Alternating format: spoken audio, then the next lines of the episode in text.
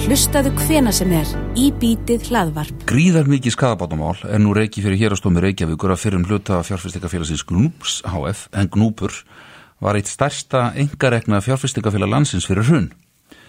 Málið snýst meðal annars um hvernig þáverandi fórstjóri félagsins, Þóruður Már Jóhannesson, eignaðist um 2000 miljóna krónar hluti í félaginu en því er haldið fram að hann hafi látið Gnúp í raun fjármagnakaupin, það er að hann hafi raun aldrei greitt úr eigin vasa.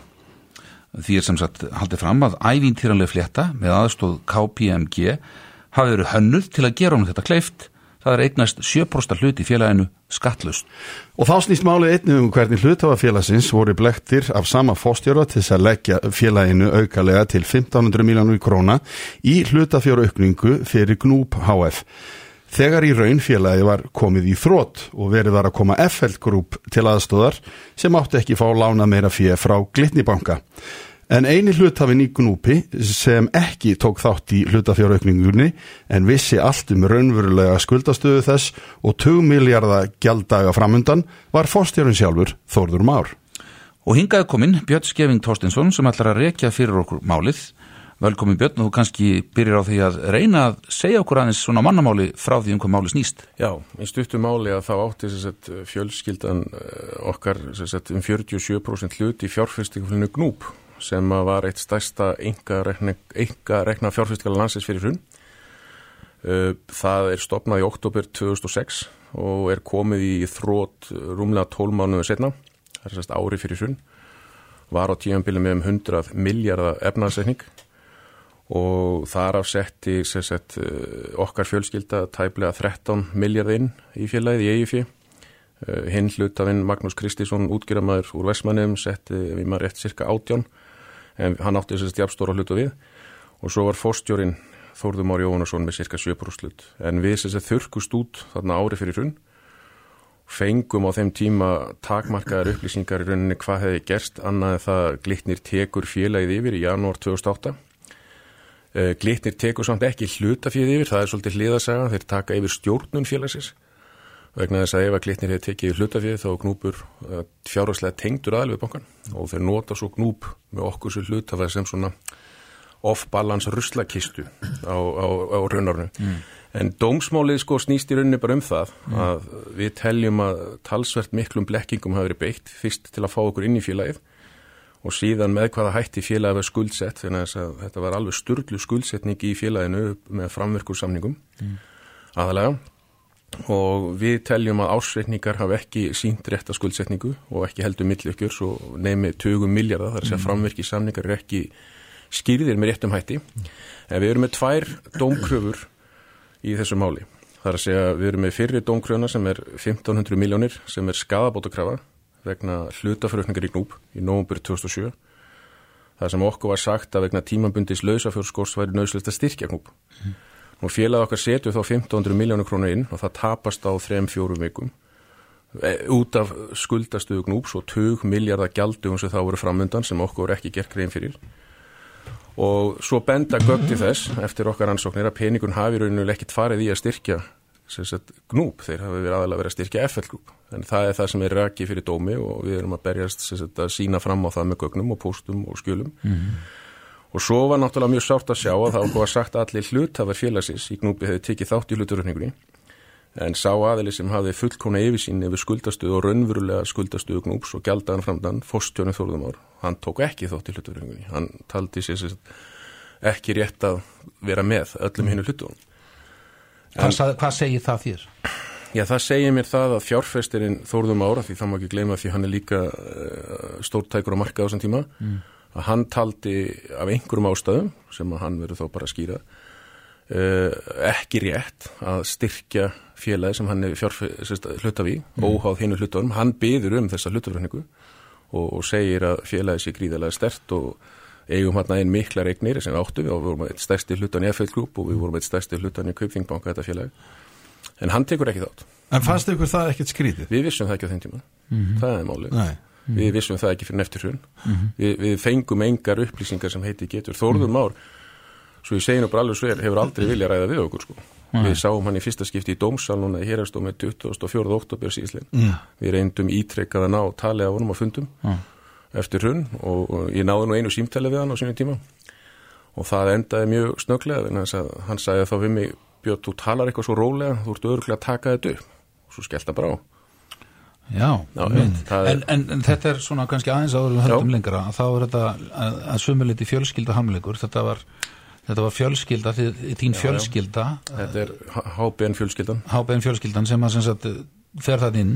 Já, eh, og þið teljið að frá upphafi ha- hann var ætlunin að blekki ykkur Ég vil slum orða þetta svona. Það er alveg klárt mál með að þau gögg sem nú liggja fyrir að þegar við förum inn í félagi þá er okkur ekki sagt rétt frá með hvað hætti þórðum ár fórstjóru félagsins eignast 7% í félaginu. Það er hinn dómkrafan sem við köllum þúubergsfléttuna. Það liggur einnig fyrir og okkur er ekki sagt rétt frá um skuldsetningu og áhætti félaginu. Þannig að við erum áhættufælin, við erum ekki mikið í gýrunum og fjármörku samvinningum og komum frá svona old economy eh, penningum ef þetta er að segja þessu svo. gamlar hefðir gilda. Já, já, búið að taka marga kynslar að byggja upp, mikla regnir að, að það, það, það bara líkur fyrir í málunni á ákunnum blekkingu að beitt varðandi aðkomið þórðar og líka skuldsetningu í félaginu og það er ekki gerð grein fyrir með réttum hætti í millökjurum og ársreikningum 20 miljardar framvirkum samningum. Mm. þannig að okkur var dölinn þessi sturlaða skuldsetning svo ég nota nú bara tólti sterk orð og ef við hefum vitað hversu skuldsetningi var og með hvaða hættum var þá hefum við dreigið okkur út nút strax. Fyrirgjöfin, ég er bara að reyna að skilja Já, þetta já, þess að þetta já. er ekkert fyrir hvern sem ekki er vanur í þessu að vera í þessu. E, e, telur þá uh, að, að, að því að þið voru mjög fjárstörk voru stórir uh, fjárfestari í hinum og þessum félögum og þarna hafi menn séð fjölskylduna fá frá henni penninga með það fyrir um að fjármagna eitthvað sem hétt FL Group e, í gegnum einhverja fjettu eða hvað sko, Er ég að skilja þetta þannig? Nei, nei, þetta er ekki alveg rétt. Sko. Þetta snýstu það að þegar þú tekur sko, munurinn á skuldalán sem er bara fastlán með vöxtum, þá veistu áhættuna. Ef þú ert þess að með 20 miljar í framverku samningum og ert búin að skuldbunda þetta til að kaupa ákveðin hlutabrif og ákveðin gengi í framtíðinni, Mhm. Þá ef að gengi lækkar, þá getur þú þurkast út bara á viku, nokkrum dögum þess að ef að gengi lækkar mikið. Akkurat. Og það er þetta sem gerist með FL Group hösti 2007. Þá lækkar gengi mjög mikið en við erum læst inni með framverka samningu upp á 20 miljardar á, og, og það bara þurkast út equity þarna, mm. þessi eigi fyrir bara gríðalega hratt mm. og síðan er ekki takt hjá því komist að minnast á það samkvæmt matskíslu sem við litum gera og liggur fyrir dómi sem málskækni málunum að forstjórin Þóruðum Ár Jóhannesson að hann selur, hann var líka sko með persónlega framverka samninga fyrir sín eign, persónlega FL Group samhliða því að vera fórstjóri okkar í Gnúb að hann losa sig mjög hratt við alla persónlega framverka samninga í Gnúb mm. en á sama tíma þá er hann starfandi fórstjóri okkar í Gnúbi þá eigur hann áhættu okkar í framverku samningum sem fórstjóri Gnúbs hann sérst fer þver öfu að leið sem prívatfjárfistir en eigur áhættan í okkur FL mm. og svo þegar FL hrinur í genginu í oktober, november og desember 27 þá þurrkustu brót -hmm. bara 1, 2 og 3 -hmm. og hitt blítni tekur bara félagið yfir bara þannig ársbyrjun 2008 Já, og hann gerir þessa framvirku samninga, samninga Fyrir Gnúp. Já. án ykkar vitundar eða hvað Ég vil skulum orða það þannig, hann gerir það þetta er svolítið góð spurning. Hann er náttúrulega fórstjóri félagsins og það er stjórn í félaginu. Nú, hann starfar í umbúðu stjórnar og ef að stjórnin gerir ekki aðtöðasemt við hvað hann er að gera, þá eru almenni hlutafar náttúrulega tiltölulega varnalösir. En það sem við erum aðalega að benda á að það er líka er ákveðna reglur um ársreikninga og milliukkjör sem við fáum sem hlutafar. Þar er ekki gerð grein fyrir þessum réttum hætti og það líkur meira segja fyrir í málinu. Mm. Skriflegögn, þar sem að ákveðni menn stígu fram og sögðu að það hefði komið fyrirmæli frá stjórnundum knúps að tiltaka ekki framvirka samningana í milliukkjörinu sem okkur var afhengt í ágúst 2007.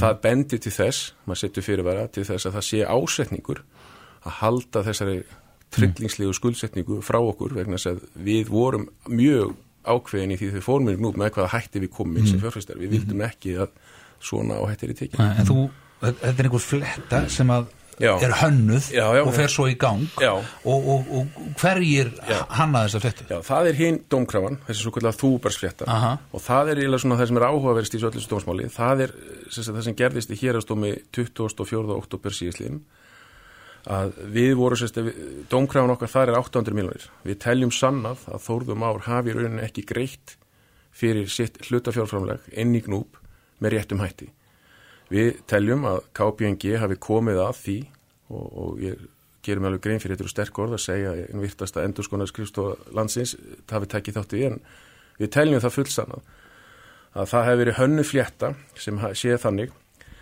að Þórðum Ár stopnar ákveði félag í upphafi sem er eignalust. Það heitir Þúfubjörg EHF. Hann á það 100% sjálfur. Það er ekkert inn í þessu félagi.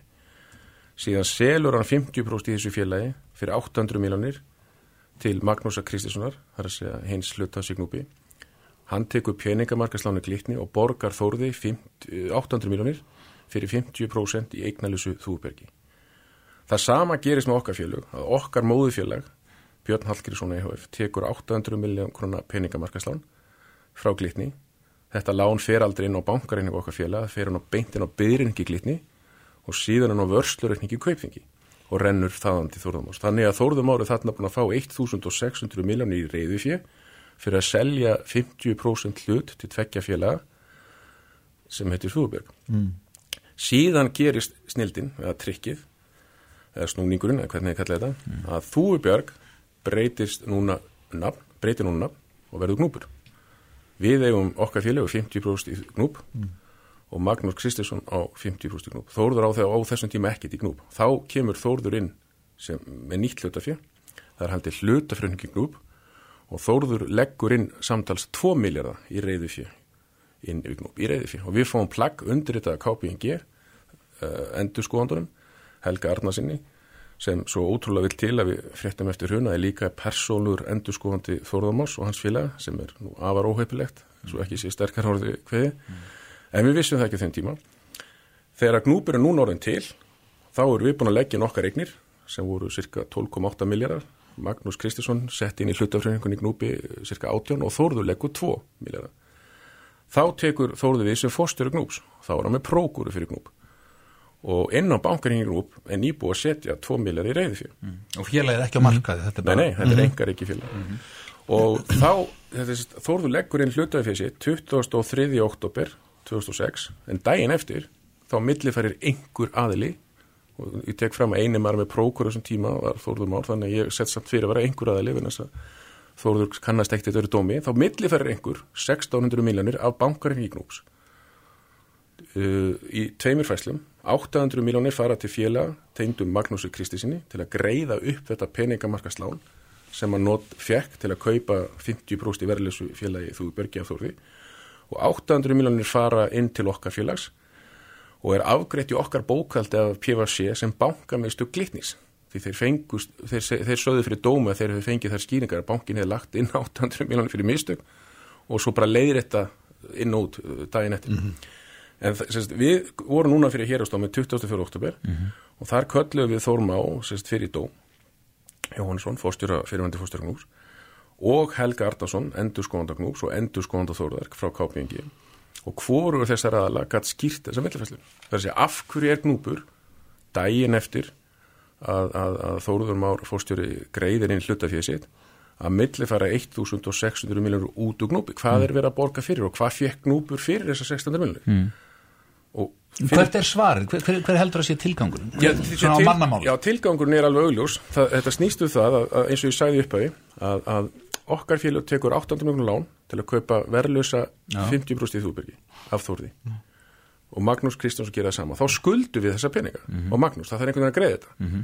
Og þegar að við erum búin að borga Þórði þessa peninga og hann leggur eins og hlutað fyrir sitt inn til Gnúps, þá er bara Gnúpur rauninni að yfirtaka lánin sem við tókum, mm. en þess að Þórður fórstur í millifæra bankaringi Grúps, Gnúps, 800 til okkar félags sem greiður upp lánið, 800 til Magga, þannig að í rauninni Gnúpur að fjármagna og endugreiða lán sem, sem félug tengdu Magnús Kristinssoni tók til að kaupa eignir af fórstjórunum mm. og lán sem að okkar félag tók til að kaupa eignir af fórstjórunum mm. og veist, með sömu rökum hefði Þórður vantarlega geta bara sett inn bílalánið sitt eða mm. fastegnalánið sitt þetta lán hefur ekkert að gera með rekstu gnúps en gnúpur endurgreiðir þessa fjármunni Já. til bankans sem voru fengina láni til að kaupa hlut í þúbergi þegar það var í eigu Þórður þetta liggur fyrir dóm. Og þetta er ólögulegt. Já, Það er akkurat þess að við erum fyrir úr við, þessu við skorið. teljum að þetta En- sé vægarsagt ekki í lagi. Já, en þetta er hvaða ár sem er það, uh, Sko, 2006 já, þetta, 7? sko, viðskiptin gerast í oktober 2006. og nú er liðin sko meirinn tíu ár Já, og nú er við þið lóksist tilbúin, hvers vegna núna? Já, það er vegna þess að við fengum engar skýringur og engin svör og engar fundi og engin gögn af því við mistum að nákvæðin félög. En við náðum að kaupa af slitist og glitnis 2016 þau félög sem við mistum út af þessu og þau eignarsfélög. Þá gáttum við senda inn gagnabeinir inn í fjármálakerfi sem við gerðum og vorum mjög upplugt teimi hérna í tvö ár. Og, og kölluðum inn gögnum í öllu íslensku bönkunum og þá sjáum við þetta.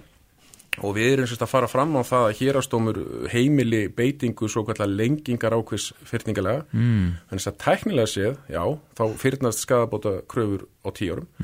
Þannig að þá hefðu þau væntalega átt að fyrnast í oktober 2016 en það er hægt að lengja fyrningu að menn draga dul á eða eru með svona annarlegan tilgang og er að fela hluti, þá er ákveðin heimildi lögum sem mjög sjaldan hefur beitt. Er þið búin að fara fram á þess að við erum að fara, það, það liggur núna fyrir dóm. Og er að býða eftir niðurstöðu þar? Nú ef að það tekst ekki Já. þá fer bara máli fyrir landsett og þá mögum við leggja fram nýgögn og nývittni og það er mjög mikið af nýju gögnum sem hafa komið fram undanferðina mánuði og, og síðan 12 mánuði, við stemdum 2018 Hvað hefur fjölskyldan tapað með pinningum á þessu? Það er alveg einfalt að segja það, við lögðum inn sérst hápenn fjölskyldan lagði inn 12, eitthvað milli, 12,5 miljardar og við töpum við töpum 85-90% eignunum. Það er bara slis, við fyrir bara út. Og svo, svo það sem er kannski vest við þetta sem er svona mannlega harmleikurinn að við fáum svo eftir hrun skilalendur eftir okkur og slítastundir, móði mín fekk sko sem er húsmáður ég, hérna hún situr í stjórn ákvæmna félaga sem tengt þessu. Hún fær rétt að stöðu sagbúnings og er þá í yfirrislun og það tók mjög langan tíma að greiða því en það leit mjög ill út á tíðanbili og þá þurftum við að keira hana til yfirvalda í yfirrislur og svo koma slítastundur eftir okkur og þannig að við vorum í nokkur ár, mörg ár eftir hrun að verjast ágangi bæði yfirvalda og slítastundur og slítskilanda út af þessu rugli. Björn, þegar, Þórður kemur inn í fyrirtækið með fyrirtæki sem að er eignalöst hvað er verið að kaupa? Já, það er nefnilega, þetta er, þetta er sko margra miljardar spurningir vegna þess að dómarinn spurði að þessu í, í, héristómi, þá spurði hann lögmann Þórðar, sem var haldaræðu, hvað var inn í Þúðbergi þegar Björn Hallgeirsson EHF kaupir 50% fyrir 800 miljonir og þá svarar lögmaður Þórðar, og því tekur fram án gríns, það var verið að kaupa afburða leikmann. Það er að segja expertís og gútvill og yfirburðar þekkingu á íslensku fjármálumarkaði og tengslanit og það kom svolítið hika okkur og ekki síst dómaran en, en þetta bara viku þá fyrir að, að þeir geta náttúrulega ekki útskýrt eignalust félag og er að segja við þeir voru að kaupa viðskipta vild og hæfileika að, og þekkingu og íslensku fjármálumarkaði og þið voru greinlega tilbúin til þess að borga fyrir það 800 miljónir. Við höfum aldrei fengið að sjá ráningarsamning Þórðar sko. Við áttum 47% í félaginu. Við höfum aldrei fengið að sjá þetta businessplan sem hann er að vísi. Hann var ráðin eins í fórstjóri bara setna í kringu stopnuna. Já. En við vitum ekkert um hvað maður er að tala. Þannig gerast þessi hlutir fyrir framann nefið á vantala stjórn fyrirtækisins og fjölskyldan er í stjórn, eða ekki, eða hvað? Jú, jú, við vorum með okkar fulltrúi stjórn. Hver var það? Kristinn Björnsson, bróðum. Og, og, og en sá sem leiðir vagnin í þessu öllu og sá sem að er eh, sá sem að nýtur fjárhagslega ávinni þessu öllu og, og, og sér um millifæslar, hann heitir Þóruður Mári Jónasson og KPNG. Kanski svona bara í lokin, hvað viljið þið fá út úr þessu? Hvað, hver, hverju er þið sko að fyrst og fremst er það þannig að, að eignir sem að tók þrjár kynslar að byggja upp hverfa að langstæstu hluta á tólmánuðum án þess að við vitum nokkuð hvað gerðist þannig á tíðanbili. Við viljum fá sannleika fram. Uh, Þegar við fáum svo raukst þetta grunum að við höfum verið blekt frá upphæð til enda það er að segja að það liggur núna fyrir í, gögnum að, að Þórður fórstjóri raunni borgaði ekki hluta fyrir sitt úr eigin massa. Uh, hann er að fjárfesta meðfram félaginu og losar sig og sínar persónlega stöðutökur á sama tíma þegar gengi er að falla á sama tíma hann eigur okkar áhættu. Og svo líkur fyrir að hann verist að fengi 100 miljónir í bónusgreislu eftir 60 dagi starfi við áttum 47% í þessu félagi ekkert að þessu er boruð undir okkur. Og þegar haftur í huga hann, þeir vildu aldrei ræða við okkur og þóruður eru allatíð neitað að tala við okkur að hitta okkur. Þá áttu við gera kosti en að fara með þetta fyrir dóm og nú liggur fyrir að hann getur ekki útskýrt þessi yfirbúra maður í, í íslensku fjármála systemi gulldrengurinn, Þóruður Már. Hver milli færði 1600 miljonir út af bankarinn í Gnúps og hvert tók peningurinn, hann getur ekki skýrsta fyrir dómi. Nei, Nei þannig að þið býðu bara dóms og hann Við býðum dóms. nýðustan ætti að vera hvað eftir Já, kannski þessari viku en öruglega í næstu viku. Og nú ef að, þetta er eins og sé, ef, að- ef við fáum ekki framlenging á þessari fyrningu þá fer bara máli fyrir allsett og þá fyrir við aftur á stað. Já, Björn Skeving Tóstensson, takk kjærlega fyrir komuna og Takk hérlega Hlustaðu hvena sem er á í bítið hlaðvarp. Já, en nú að öru, fyrstu fréttir voru að íslenskur maður hafi reynd að ræna farþegaflugvel sem hann var í hafi reynd að brjótast inn í flugstjórnaklefan síðan breytist fréttin í flugdólksfrétt og greint frá því að maðurinn hafi verið í annarlegu ástandi og með mikil ólætu um borð svo að lenda var vélin í stafangri en hún var að leið til Íslands frá Bútabest í Ungverjalandi. Maðurinn sem umræðir er Þorbergur Aðalstinsson, markvaldur landslismæður í handbólt og fyrirvandi landslissjálfari hann segir loks sögu sína hérna núna í bítinu. Velkomin. Þorbergur, velkomin Ef við eh, bakkum aðeins nokkur ár aftur í tíman þá lendið þú í veikindum. Segðu okkur aðeins frá því. Já, ég hérna 2012 þá fekk ég hjartafall. Og í framhald af því þá náttúrulega verður maður svona dálítið hrættur Mm. og ég breyti bara um uh, lífstíl og hérna meðal annars mataræði og allt á tungur og, og tók allt út sem á ekki að vera eins og sikunislu og, og áfengi og, og það, það, það gengið bara mjög vel. Síðan fæ ég aftur hjartafall 2015 og svo aftur tvissar á þessu ári. Mm. Þessu núna, þessu mm. þessu ári mm. og hérna í, í júli og, og svo aftur í september. Nú er ég róhefinn ég lendi í alvarlegu bílslýsi líka um áramótin. Síðustu? Síðustu já. Já. og var inn á, inn á landsbítalunum í, eða lág inn á landsbítalunum í fjóra vikur og Hva, það, var, það var slís á Suðurlandsvegi þar sem að lendu bíla saman já, lendi tveir saman og það var þetta var, fó- fór mjög öll fyrir mig sko Manstu eftir því aðviki? Nei, mann ekki. Ég, það blokkiraðist alveg hjá báðum aðlum. Svo sem var í hinbílum, hann slapp mun betur. En ég hérna, það brotnaði allt í brjóstólunum hjá mér og, og þindin ripnaði og ég þinda laus núna, þess að þetta nýja þindi. mm. Og hérna, og vesen með lungun og, og svo náttúrulega voru mikla blæðingar. Og þetta ofan á allt sem á undan hafði gengið varandi og hjarta svo náttúrulega kannski vest í þessu núna er að, að allt stóðkerfið er í klessu sko. Það þarf að aðtöða með ríkin og í mjölnina þá og, e- eftir bílslýsið já, mm.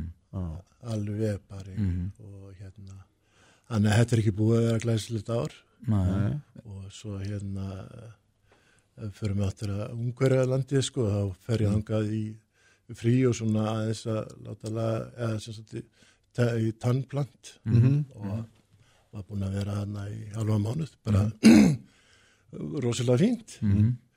og síðan á ég bara hérna, hérna 15. ágúst flug heim til Íslands flug ég klugan 7 á mótni Mm. og hérna ég þarf að yfirgefa hóteli klugan 3 til þess að ná að þess að ná upp á flugöld mm. ég hérna hef átt rosalega erfitt með svefn síðan ég lendi í þessu bílsli nánast ekkert sofið út, af ver, út af verkjum út af verkjum og, og bara svona ég veit að það er bara eitthvað tak, takleysi í svefni sko. Ah, Og ert, ert á miklum livjum vegna þess alls Já, sko, ég er á, ég er á einhverjum uh, miklum livjum út af hjarta. Já. Ég er ekki, ég er ekki hérna, í, þarna akkurat, hafði ég ekki borðað neina verkjatöflur. Mm. og var bara leið nokkuð vel, sko, en, en uh, ég, það sem gerist að ég sopna ekkert, sko, ég fer, ég hef ekki hótelið þrjú, ég sopna ekkert fyrir þann tíma, þannig ég er búin að ákvaða að fá mér eina sveftöflu áður en fer í, í vélina klukka sjö. Og það bara passar ákveðlega og, og ég sopna mjög fljótlega. Svo eftir einhverju þrjá tíma þá vakna ég og maður er svona stundur svona hálfriðgar eitthvað eftir að hafa bara sveftöflu og ég hérna sem sagt hérna ringja eftir flugfröðu mm -hmm. á bjöllunni. Og hún hérna sem sagt hún hérna uh, kemur og, og ég panta og allt er leið með það. Svo kemur hún með morgumatinn og þá hérna er ég bara með efru svona í brjóstvasunum og það byrjar eitthvað við sin með að borga hún tæk ekki efru, tæk bara kort og svo framvegis og ég, ég byrði hana hvort hún geti kíkt þetta upp, og ég sitt fremst í vélinu og veitir hvernig svona borðið kemur upp Já, úr upp úr vasunum og svo mm. þetta er svo mikið vesinn allt og, og ég er hérna svona illa vaknaður og, og, og það hleypur ykkur svona já, pyrringur í hana út af þessu öllu og hún rýfur morgumatinn bara af borðinu og við hefum eftir tvo klukkutíma í flugi. Það var nú nægu tími til þess að finna veskið. Og, og svo fyrir hún eitthvað og, og hérna svo stend ég upp og, og lappa svona hann ég satt alveg fremst. Og henni hefur eflust eitthvað bröðið eitthvað, ég veit ekki hvað var og, og síðan hérna reyndi ég að fara inn á klósitið uh, hérna ég hérna svona var, var frekar örörgla í snúningum en, en svo hérna lappa ég að henni og hvort hún geti ekki rettað þessu og það var enn eitthvað pyrringur í henni þannig að ég fer í sætið og sopna síðan gerist það einhverjum þreymum korturum setna að, kemur flug þjótt ítir í mig stanslöst og, og, og byrðum um passan að vegabrið og ég fyrir eitthvað að mótmæla því að þetta geta láta hann hafa vegabrið og svo endar með því að ég læta hann hafa vegabrið og það, það, var eitthvað út af farþegalistónum eitthvað svolítið mm. svo eftir eitthvað dotta ég áfram og svo veit ég ekki fyrir hann að vélinn er að fara að lenda í stafangur Er það- Þá, þá bara áttar það á því allt í einu hún er að fara að en lenda þá er ég bara í hátalarunum að, að vélinn að fara að lenda. Og ég það, það fjölminu að segja að ég hefði verið mér hefði verið ítt í sætið og altså það hefði verið einhver handalöfmál í vélinu og framönduguðun það var ekkert eftir þarna, samskipti við flugfröðina og fór ég bara í sæt og ég var bara í sætin það var engin afskipt af mér meira Engar stimpingar, ekki neitt? Ekkert, Ekkert róp og köll eða- ekkert. Og ekkert það að þú er reynd að fara inn í flugstjórnarklefa nei, nei, nei, nei, nei. og Þú ætlaði að ræna vélinni fyrst að segja og þú manst, ja, þú manst alveg eftir þessu? Já, já, já, Já, já, Þú veist, ok. ég, hérna, ég var alveg í góðu á og síðan hérna setja hann alveg fremst. Þau veitir hvernig þetta er það er afgræðar morgumattun og klóstið hérna bara við hliðina og útgangurinn. Mm. svo lendir vélinn og, og hérna og ég sitt bara alveg rólegur hérna. Og svo opnast hurðin. Kemur ekki löðruglu kona á flegi fer með svona skjöld. Veist, einn og hálf smitið síðan. Og beint að mér og, og kallar í gegnum svona glera honum. Verður rólegur, verður rólegur. Og ég horfði á hana, svo horfði ég til vinstur til hæri, hvað er í gangi núna sko. og þá var ég bara handjotnaður og út. Ger, Gerðu þau grein fyrir því þegar vélinn var að lendi stafangri að það væri vegna þín eða? Nei, það er enga hugmyndu nei. það? enga hugmyndu það, Þannig að þú varst handjáðnaði bara þarna á staðnum? Bara á staðnum. Og svo komum við út á, út á hérna tröpunar sem sagt, fyrir hérna ingangin þá séu bara að það er ykkur 5-6 löðruglubílar 4-5 sjúkrabílar og, og slökkulisbílar og það er staðið til að, jafnvel að reynsa tæma flugstöðuna og ég veit ekki hvað og hvað. Og, og, og, vélinn bara, hva, bara á miðjum við, fluglaði bara miðju plani. Já, og all blikkandi ljósin og allt þetta bara svo í svona einhver reyfara Já, og uh, þau eru svona fljóta, ég var svona kerður alveg á fullu inn í löðruglubílinn og, og svo koni á stöð. Og þá tókuðu náttúrulega strax handjónin og mér var, ég var settur inn í klefa. En býttu við, bökkum aðeins tilbaka. Já, Þeir eru út handjáðnaður já, Þú vissir ekkert af hverju vélinn var að lendi stafangri? Ég, nei. Svo allt í hennu bara stendur þú frammi fyrir berskjalduðum lauruglumanni sem handjáðnaði og þú keirður inn í laurugli Hvað er þetta að hugsa á þessum tíma? Ég, veistu að ég var svo poll, uh, pollrólegur að þetta myndi leðrittast bara eftir tímundur eitthvað. Að ég bara ég, ég, ég veit ekki hvað ég hugsa það bara fór einhvern veginn. Ég hugsaði ekki neitt eða bara hvað er næst? En svo þegar konu á lörgstöðuna þá var ég settur inn í svona lítinn klefa og ég- það var ekkert inn í klefunum nema dýn á gólfinu og svona klósettskál og, og eitthvað kran yfir henni sem þú ætti bara þá að þér að drekka í lónum og, og, og pissa í skálina sko.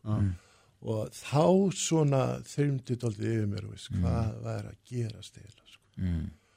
Mm. og ég held ég hafi þurft að vera þarna í einhvern hálftíma og þá fóru bara endalisar hugsanir gegnum hausunum sko. Mm. ég ætla nú ekki að leta inn í þessu klukkutíma lengur sko. Nei.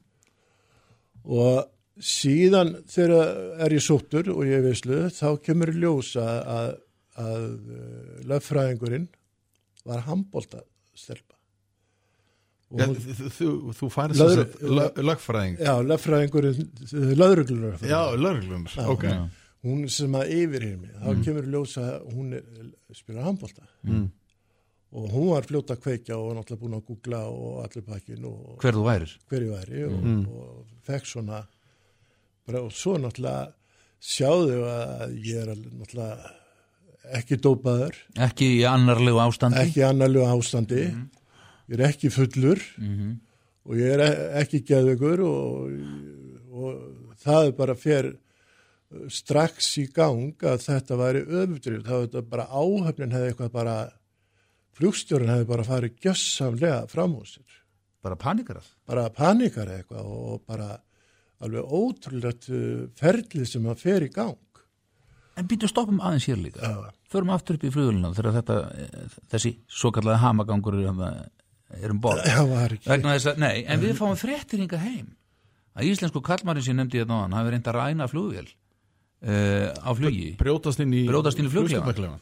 Þannig að einhverjir voru um borð sem að sá ástæð til þess að, að, að taka, að fylgjast eftir svo skrifa eitthvað und og senda þetta Ja, eitthvað. við, skulum, við skulum taka það, sko, uh, hérna, þegar löðruglan kemur inn og næri mig, Mm. þá fara nokkur inn í vilna, löðruglutjónar, Já, og það er allir yfirhyrðir sem að voru í kringum mig já, og, og áhöfnin. Öll eru saman á það, það gerðist ekki neitt. nei.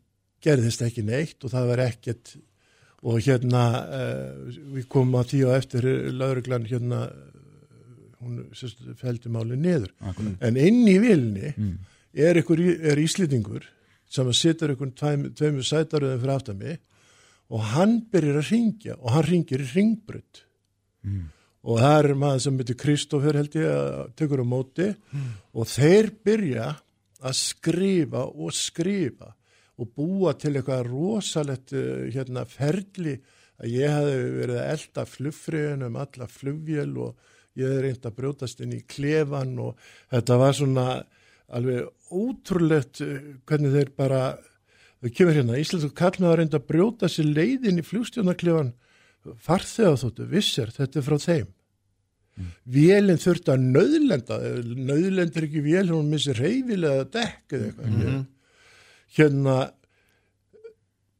engan sakaðan borð og náði áhefnin að hemmja mannin áður en hún tókst að ætlunaverk sitt. Hvað er í gangi?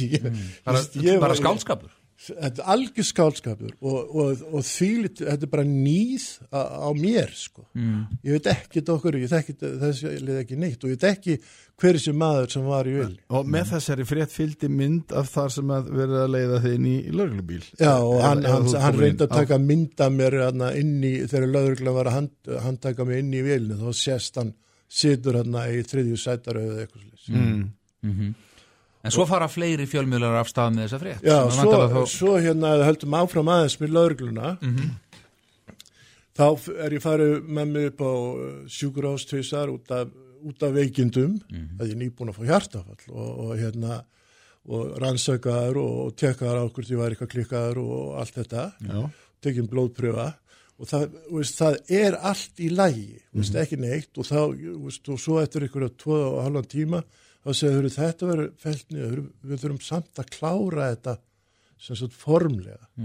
Og þeir klára þetta hafa mikið af, af hérna af livjum sem þurft að fara í gegnum og, og og, og skrá og hvort að þau hafi verið gefin út að réttum aðila og, og, og, og, veist, og þetta sé allt, allt tekkað, alveg í bótt og síðan tekur þetta einhverja þrjár vikur að fá niðurstur og þessu. Þess að hefur ekkert látið heyri í mér, heldur bara að fá þessa niðurstur, þetta væri allt og síðan kemur bara sem sagt, það að, að málið er látið niðurfalla. Það er engin sönnugögn fyrir neinu, einu eða neinu. Mm. bara fáranlegt Þannig að lauruglan er búin að losa Já, til algjörlega við þetta og þú hefur verið að býða eftir því og ekki vilja tjá því fyrir það var allt saman á hreinu. og, og núna eh, var ég að að fylla út form það sem að lauruglan munir greiða mér bætur fyrir ólöglega handtöku Þannig að þú átt vona bótum frá norsku lauruglan. Já, En hvað með, hvað með allt hitt? Hvað með umfjöllunin og hvað með Sko, vissir í þessu samandi? Ég hérna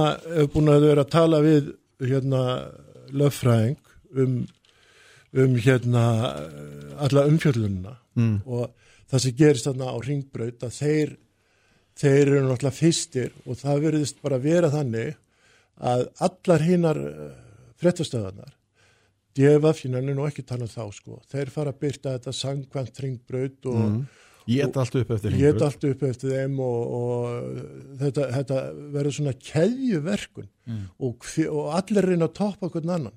Og, það, og þetta er svo skrítið hvað er hægt að finna endalust í þessu.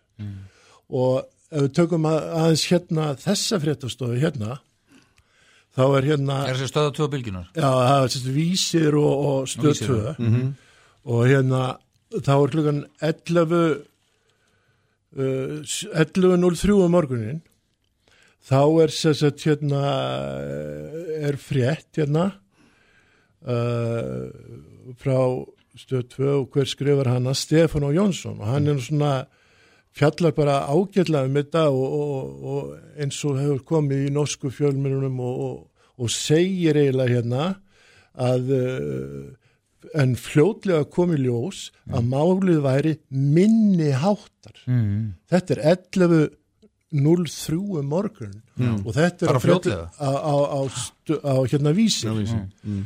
Svo hérna er, er frétt hérna þá sjö tímur setna, 18.30 allt er búið, ég er komin upp á hótel í heitt bað og góðn út í loftið og bara hvers konar dagur og var þetta hér og er náttúrulega að ringja í vinnu og kunningja og, og reyna að tólka það. Náttúrulega voru ekki allir sem trúðu bara þetta hefði ekki verið neitt. Og mínu bestu vinnu sagði bara út með þetta varst, hvað varst að gera? Við alla umfjöllun, það var það ekki búin í þetta verkjartöflur eða fjöstu mm. glas hvað var í gangi? Ekkert. Hörðu, þá kemur fréttina 1830 og það kemur svona. Íslýtingu gekk bersegsgang reynda að brjótast inn í flugstjórnaklifan flugveilarinnar hjá Vissér ber við minnisleysi ég bara ekkert við neinu minnisleysi ég, bara, ég reyndi ekkert að berja, brjótast inn í klifan segist hafa verið að neyta áfengis ég hef aldrei neitt, neitti einhver áfengis, ekki neitt áfengis síðan 2012 eða minnir. Er þetta sjómarsveitir á stöð 2? Þetta er sjónastöðu klukkan 18.30 og hann getur fundið hann og spilað hann. Er þetta á stöð 2? Já. Já. og þetta er hérna Stefán Rann Sigurbjörnsson. Ég þekki ekki þetta enn mann og uh, hann ekki með, en hvernig óskupunum, ég skil ekki hvernig hann fær að fara með þessa frétt í loftið. Síðan að uh, neittir livs eða skildur að livja, já ég gerir það, ég hjörtu ykkur, það er eitthvað 20 töflur sem ég þarf á, á dag eitthvað slið, sko.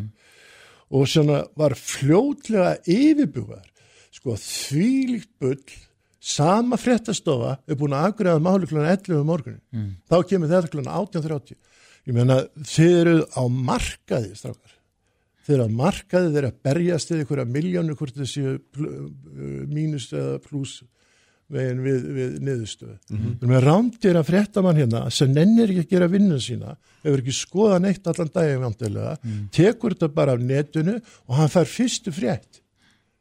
Þetta er aumt og þetta er líka, þetta er svona kemur dálítið við mig vegna þess að ég er dálítið gamall í þessu og ég hef fyllt þessu fyrirtæki alveg frá því að það var stopnað og ég hef verið til- tiltölulega mikið hérna í, í svona uh, viðtölum og samstarfi og, skemmtilegum og og, og, á marga góða vini hérna.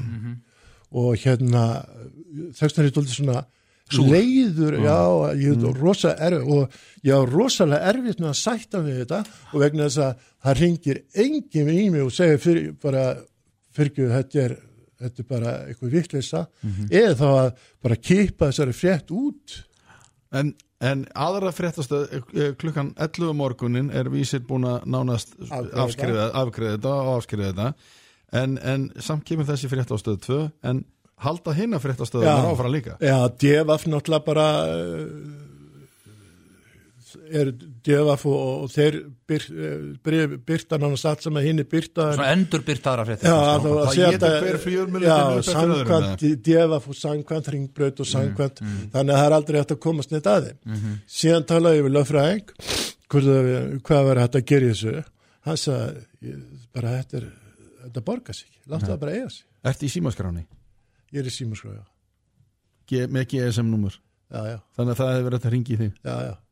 Ringdi einhver fjölmiðl í þig? Það, ég hérna það ákvaða að svara ekki fjölmunum á þessum degi og svo brölar Mm. og, það, og ég ákvaða ekki að lesa neitt og ég var í sambandi við hérna mest krakkana mína sem að bara Mm.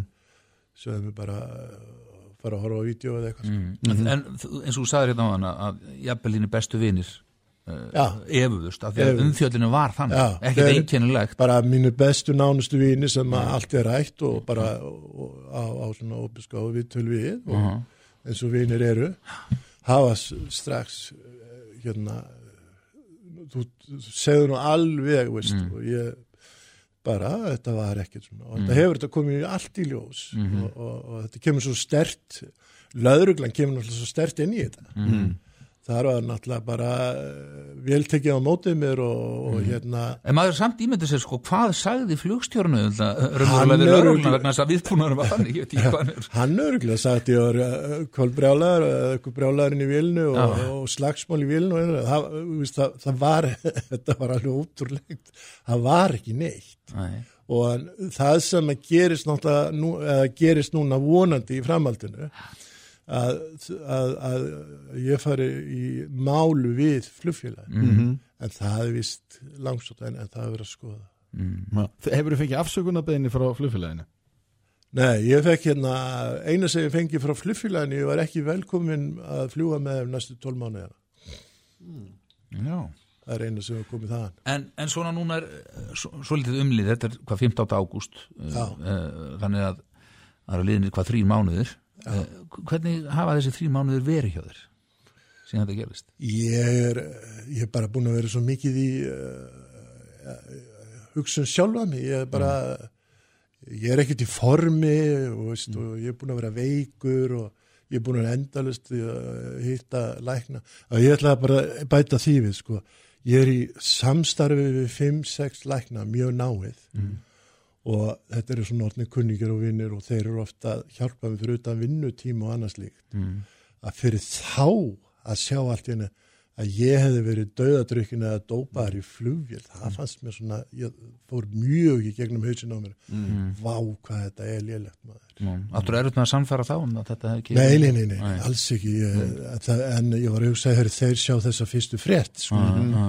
en, en þetta búið að vera erfitt? Voru mjög hjá erfitt þér undarfærin ár með veikindi þín, bílslýsið, þetta hörmulega bílslýs og lendir í bara með síðustu áramót og svo þetta. Já, þetta búið að vera mjög erfitt. Já, já, og maður er náttúrulega reyna, reyna að vera jaksl og hérna bara vinna í sjálfan sér og passa sjálfan sig og, og hérna ég þarf fyrst og fremst að vera sjálfur í lægi svo maður geti gefið eitthvað af sér og, og hérna, En hvernig gengur að reyna að vera jaksl það, það gengur ágætlega sko en, en það gengur ekkert að koma líka mannum í Nei. gott ástand. En hérna En þetta er svona, þegar þú lendir í svona, hver sem er, hvort sem sjúklingur og kannski enn frekar sjúklingur, þetta er ákveðið sjokk, þetta er ákveðið áfæð. ég hérna ég sko svo, varðandi fjölmjöluna þá var mann náttúrulega með áratöða reynslu þú veist, í, í þessum uh, látum. Mm. og þá kemur hérna þú veist, uh, þetta var lélegt og þetta var gott og það var einhver ástæða fyrir því að maður var tekin fyrir í fjölmjölunum og Mm. Sem landslýsálvar og landslýsþjálfari og maður lærir að mæta því og auðvitað var oft þungt og erfitt og allt það en svona erum maður lendur í svona einhliðarugli það er alveg hrikalegt sko. Ertu ennþá að hitta fólk sem að sá bara fyrstu fréttinnar og sá aldrei leiðréttinguna? já, ég, sé- ég, sá- já, það er mitt fullt af fólki sem að sá aldrei leiðréttinguna Mm. og það er enn að spyrja hérna þetta var nú ljóta við vissinu með þessa flugvél og eitthvað svona og, Mm. og ég hérna svo svo skil það alveg og fólk uh, vil eitthvað að rappa það en, en en auðvitað verður maður að berja þetta bara frá sér þetta Mm. tekur tíma mm. Já. Nákvæmlega. Og hvernig er staðan á þig núna heilsufarslega? Ertu bara að berjast þig að komast í form sem já, sagt? já, ég er, ég er alveg. Mm. þreglaus og, og hérna Já, og lauruglan í Nóri sendi þér einhverja bætur fyrir Já, það kemur einhverja bætur það, já, það er eitthvað lítið en aðalrið er að þeir eru að viðkynna að, þetta hafi verið miskilingur. Já. En er það ekki einhver, einhver, einhver ólíja fyrir þig í, í, í málsók gegn Jú, flugfélaginu? jú, jú, það er einmitt það sem það er að hugsa. rétt. Já. En svona andlega, ertu búin að jafna þig eftir þetta? Eftir þetta sjokk? Já, ég, ég svona er að loka þessu, Já. Mm er að loka þessu. Var, var mikið mál fyrir þig að taka þessa ákvörðan og koma henga og segja þetta, söguna? Nei, mér veist hérna, ég treyst ykkur, Já. þetta er góðu þáttur Takk fyrir það. og hérna, þannig að ég var alveg til í að, að koma hérna og, segja mína sögu og hérna, Mhm. eflest gleymu við fullt af hlutum hérna en, en hérna, þetta er svona aðalaturinn hafa komið í ljós held ég. Mm. Mhm. Kjarni, kjarni málsins komið fram hérna. Takk. Og, og, það var það að þú varst allan tíman saklaus af allir þessu sem að Algjörlega. demt var yfir því Já. í fjölmjölum Já, og reyndar af lauruglinu og viss er. öllu. Já, Mm. er. Þorbergur Aðarstensson, fyrirrandi landslið sjálfur og landslýsmaður í handbólta. Bestu þækki fyrir komin og gangið nú vel. Takk fyrir þetta. Þú ert að hlusta á í bítið hlaðvarp brot af því besta úr vikunni. Teitur Guðmundsson komið til okkar, komið sæl, velkomin Takk fyrir það. Já. með, með síklarlifin með þér Já, og nú er að hefjast hvað eh, fymta alþjóðlega vitundarvikan er það ekki á alþjóða heilbreyðistofninu um skinsamlega nótkun síklarliðja.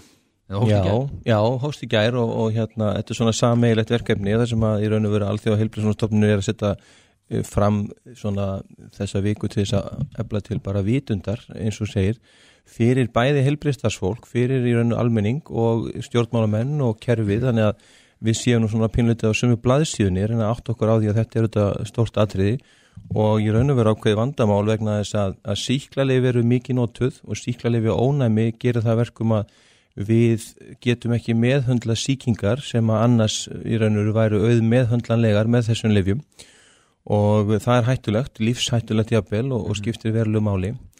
Nú síðan sjáum við líka að það hefur auðvitað verið kannski lítil þróun og svona framþróun í síklarleifum á undanföllum árum þannig að menn hafa pínleitið staðna og þetta hefur ekki verið svona kannski á, á forgangslista eh, þessara lifja fyrirtækja að framleiða nýjar tegundir síklarleifa. Við erum búin að lifa með þessum síklarleifum sem við eigum mjög lengi og hefur nú svona almennt gengið mjög vel, má segja.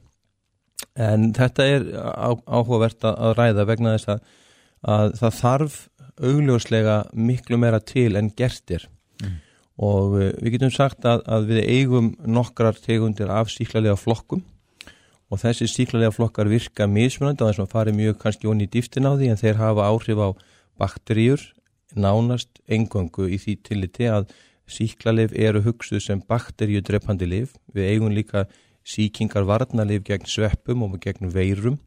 Þannig að þetta er sem sagt í raun verið að taka þetta felti saman að hluta en ónæmið er í raun verið að þróast í livjónum sem eru gegn bakterjum. Og þar eigum við nokkra flokka eins og sagði og þessi flokkar virka annarkvort þannig að drepa frumurnar, sé að bakteríunar, drepa í raun og veru þá uh, hluta til hvernig þær, þær eru að, að fjölga sér eða, eða koma sér áfram eða hafa áhrif á að þær fjölgi sér ekki, svo kallar bakteriostatist eða bakteriosít eins og við kallum það á, á hérna fagmáli. Og, og þau lif sem að virka þannig að, að bakteríunum er í raun og veru hindrað að það fjölgi sér, þar á ónæmiskerfi auðveldara með að hjálpa til og drepa. En þessar svona klassísku eins og streftokokkar, svo tökum nokkuð dæmi það eru bakteríu sem við drepum með síklarleifinu á meðan að svona atypiskar bakteríu sem að eru þá að, að fjölga sér inn í frumum eru við að, að hindra að, að þær haldi áfram. Þetta er svona kannski mjög einfalt útskýrt hérna hvernig þessi lif virka. Mm. og við notum mismöndi síklarleif við mismöndi tegundum síkinga menna við fáum ennis og kinnólubólgu síkingu í háls eða við fáum lúnabólgu eða þvakkfara síkingu eða síkingu í húð við notum ekki sömu lifin það er vitað í fræðunum hvaða, hvaða lif virka best við hvaða síkingu og, og þetta er svona eitthvað sem maður lærir. Svo erum við þetta að meðhandla síkingar sangkant næmi. Þannig að þar kemur inn þessi þekking á því virkar þetta lif á þessa bakterju eða þá við setjum einhvern á síklarleif sem að lagast ekki af þeim lifjum sem við setjum á hann. Og þá getur það verið vegna ónæmis eða vegna þess að við erum að meðhundla eitthvað allt annað, við erum kannski að meðhundla pest eða flensu eða kvef sem að síklarleif hafa engin áhrif á eins og við vitum eða þetta er sveppasíking eða eitthvað allt annað. Þannig að það er mjög oft sem við lendum í því að, að, að meðferðin sem við ákveðum að beita hún er í raun og veru blind, það er að segja við, af reynslunni meðhundlum við. En þegar við lendum í vandræðum oft og tíðum þá þurfum við að fara að rækta upp og átt okkur á. Og þetta er það sem að svona kannski hefur sínt sig í gegnum tíðina að með þessari ræktun að við sjáum hvað er á segði þá er testað hvaða lif virka og við erum fann að sjá eins og ég segi aukið ónæmi bara í heiminum mm -hmm. af því að síklarleifjanótkun er of mikil mm -hmm. hún er röng mm -hmm. gefum það við röngum tegundum sjúkdóma hún er í matvælum og í ungverfi og á mjög mörgum stöðum að hafa áhrif á okkur. Maður veit að heilbriðisiföld og læknar út um allan heim hafa mjög miklar áhyggjur af þessari þróunni sem hún hefur verið en það er einsvog að hún hafi ekki, þessar áhyggjur hafi ekki, hafi ekki náð til almennings. Já, ég held að almenningur, sko, það er þetta kannski alltaf erfitt að átta sig á þessu sem maður er ekki alveg inn í fæinu hvað það þýðir en, en það er búið að gera rannsóknin á þessu til dæmis í síkingavarnastofnun Európi, ECTC, gerði nú rannsókn byrti bara í gær mm. uh, á til dæmis þekkingu heilbriðstarfsfólks á hvernig það á verjast og það er nú bara þannig að ekki einu svona heilbriðstarfsfólkið er að vita þetta på tíu, mm. hvað þá almenningur mm. og, og menn gera sér sömur hverjir ekki grein fyrir hvernig til dæmis síklarleifi ónæmi uh, hérna dreifist eða hvernig maður getur áhrif á dreifingu. Til dæmis getur maður verið hraustur helbriður og eh, sagt, með ónæma bakteríu í sér sem hefur ekki áhrif á mig mm -hmm. en ég get smitaði var eitthvað annan. Mm. þannig að úst, það eru fullt af hlutum sem eru flækjustig í því hvernig þessi hlutir í raun og veru þróast áfram og dreifast.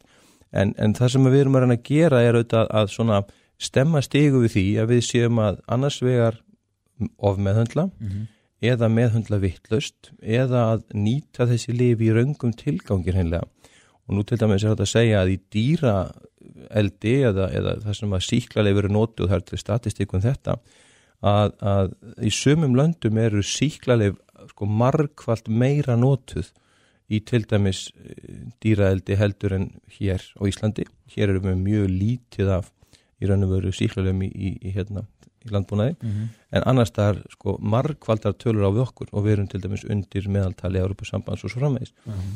þannig að við stöndum okkur ágætlega en, en, en það, það hefur þurft og hefur talið nöðsilt að, að vinna málið betur. Þannig að bakturinn að vera ónamar fyrir lifjónum mm -hmm. og þá skiptir ekki máli hvort að einstaklingur sem hefur kannski aldrei notað síklarleif fær bakturinn í sig, þá eru bara hreinlega ekki til lif sem virka á bakturina Rétt. Já og það, það getur auðvitað verið dauðans alvara að sjálfsögðu. Og við sjáum þetta því miður að við erum í raun og veru varnarlaus. Og, og fólk hefur umgengist síklarlefi gegnum tíðina kannski að full lítilli virðingu með mm -hmm. þetta. Og þá að það viðum bæði almenning sem að fer fram á það að fá lifið einhverju sem ekki hægt er að meðhandla mm -hmm. læknar stundum gefa undan einfallega vegna tímapressu eða þessa, þetta sé kannski ekki alveg eins mikið mál og svo frammeins og þetta hefur þróast upp í þetta vandamál af mörgum orsökum mm. en, en það er eina megin orsökunum er auðvitað svo að, að aðgengja síklarlegum almennt er í gegnum lækna, það mónum mm. segja það og, og við eigum auðvitað ekki að skrifa út liv nema við séum vissir að við getum unnið buging á því sem við erum að meðhundla mm -hmm. þarna hafa líka verið misbrestir á út um allan heim sko. Já, erum við nú þegar farin að sjá uh, sko bakteríur sem eru farnar að breyta sér og breyta sér kannski hratt og mikið eða? Já, það er vaksandi ónami í heiminum á mjög mörgum stopnum og við sjáum það varandi kynnsjúdóma, varandi matarsíkingar og varandi lúnabólkusíkingar og ímislegt annað og það er til dæmis þannig að það eru 700.000 manns á ári að því talið sem að deyja á hverju ári vegna þess að við getum ekki meðhandla fólkið mm. á heimsísu og það er talið að svo tala muni stíga í 10 miljónir á árunnu 2050 mm. ef ekki verið gripið verulega inn í þetta ferli mm og þannig að þið sjáu það sko að það, er, það eru gífulega tölur. Og auðvitað er þetta á heimsísu, hér á Íslandi eru við sem betur fyrir velsett en, en við erum með í raun og veru sangan tölum með meiri síklarlífið nótkunn en víða annar staðar. Uh, og erum þess að í ákveðinu hættu á að geta þróa þetta með okkur. Og svo fáum við þessar bakterjur inn til landsins bæði með ferðamönnum, með dýraafurðum, með græmeti og, og við getum verið að hérna, horfa í marga þætti þarna og svo erum við þetta sjálf líka bara að búa til okkar eigin ónæmi bakteríur hugsanlega með þessum hætti. Mm -hmm. þannig að, að, að það sem að síkla, eða sóttarnarleiknir og núna alltaf heilbjörnsmálstofnir er að íta undir er að við séum meðvituð. Og, það er þannig að það var gerð skýsla og það var skila tillögum árið 2017 sem að var til ríkisins sem að fara vel í gegnum þessi mál og í raun og veru leggja fram bara línur sem að núna á þessu ári ríkistjórnin tóku upp og er búin að setja fram sem grunninn sem eru þetta frábært. Og þar eru við með margháttaða tillögur um þessa, þessa stefnumörkun og, og hérna það er til dæmis að gefa út skýslu sem kom út í gær sem sýnir hvernig við notum síklarleif og sem betur fer eru við að minka notkun á milli ára að því virðist en betur með á en dugaskal En getur við gert eitthvað sjálf? Þar að segja, getur við komið í veg fyrir það til dæmis með auknu hreinlæti, ég sá hérna bara núna nýlega á BBC að, að þeir segja að, að, að, bakvið íkóla e, e, hérna superbakteríu að það sé meira um verðt að þvó sér almennum hendurnar eftir klósettferðina heldur en til dæmis að passa það að, að hérna matrið ekki kjötun og vel Já, og þetta er margt í, í þessu sem er til og, og, og við erum, sko, hreinlæti er eitt af grunnstóðunum, hreint vatn, aðgengi að því auðvitað, handþóttur og að passa sig og, og er ekki að dreifa í raun og veru óþ- óþarlega. Þetta er bara mjög vel þekkt og er eitt af líkilatriðunum og eitt af því sem við tekið þessari skýslu hjá ECTC að hvernig fólk vissi hvernig handþóttur hefði áhrif í kringum umgengni sjúklinga. Þannig að við, þetta er mjög nöðsilegt. En e, sko að hlustaðu hérna annan, þá hugsa maður býtu nú við e, þessar hérna ónámi bakterjur. Er, er stríðið tapað? Eða? Uh, nei, ég myndi nú segja að við verðum ekki búin að tapa því sko, en við erum al alveg klárlega á staði sem er erfiður og, og, og það er vaksandi vandamál í heiminum öllum, sumstar auðvitað það sem menn eru búin að taka á þessu er að bakka daldi tilbaka og er að passa sig þar gengur kannski betur eins og við sjáum í tölunum okkar við erum enga síður að nota meira en við þurfum mögulega, við erum enga síður að í, í umhverfi það sem er áhætta fyrir okkur að lenda í þessu og við erum að sjá núna á síðustu árum bakterjur sem við höfum ekki séð áður mm. og það er Það það er sem bara við- nýjar. Já, eða semst breyttar eða öðruvísi, öflugri, erfiðar að drepa þær. Þannig að við erum í þessum, bara á Íslandi, inn í þessari ringiðu, síkla lifja ónæmra bakterja, án þess að vera hræðaninn.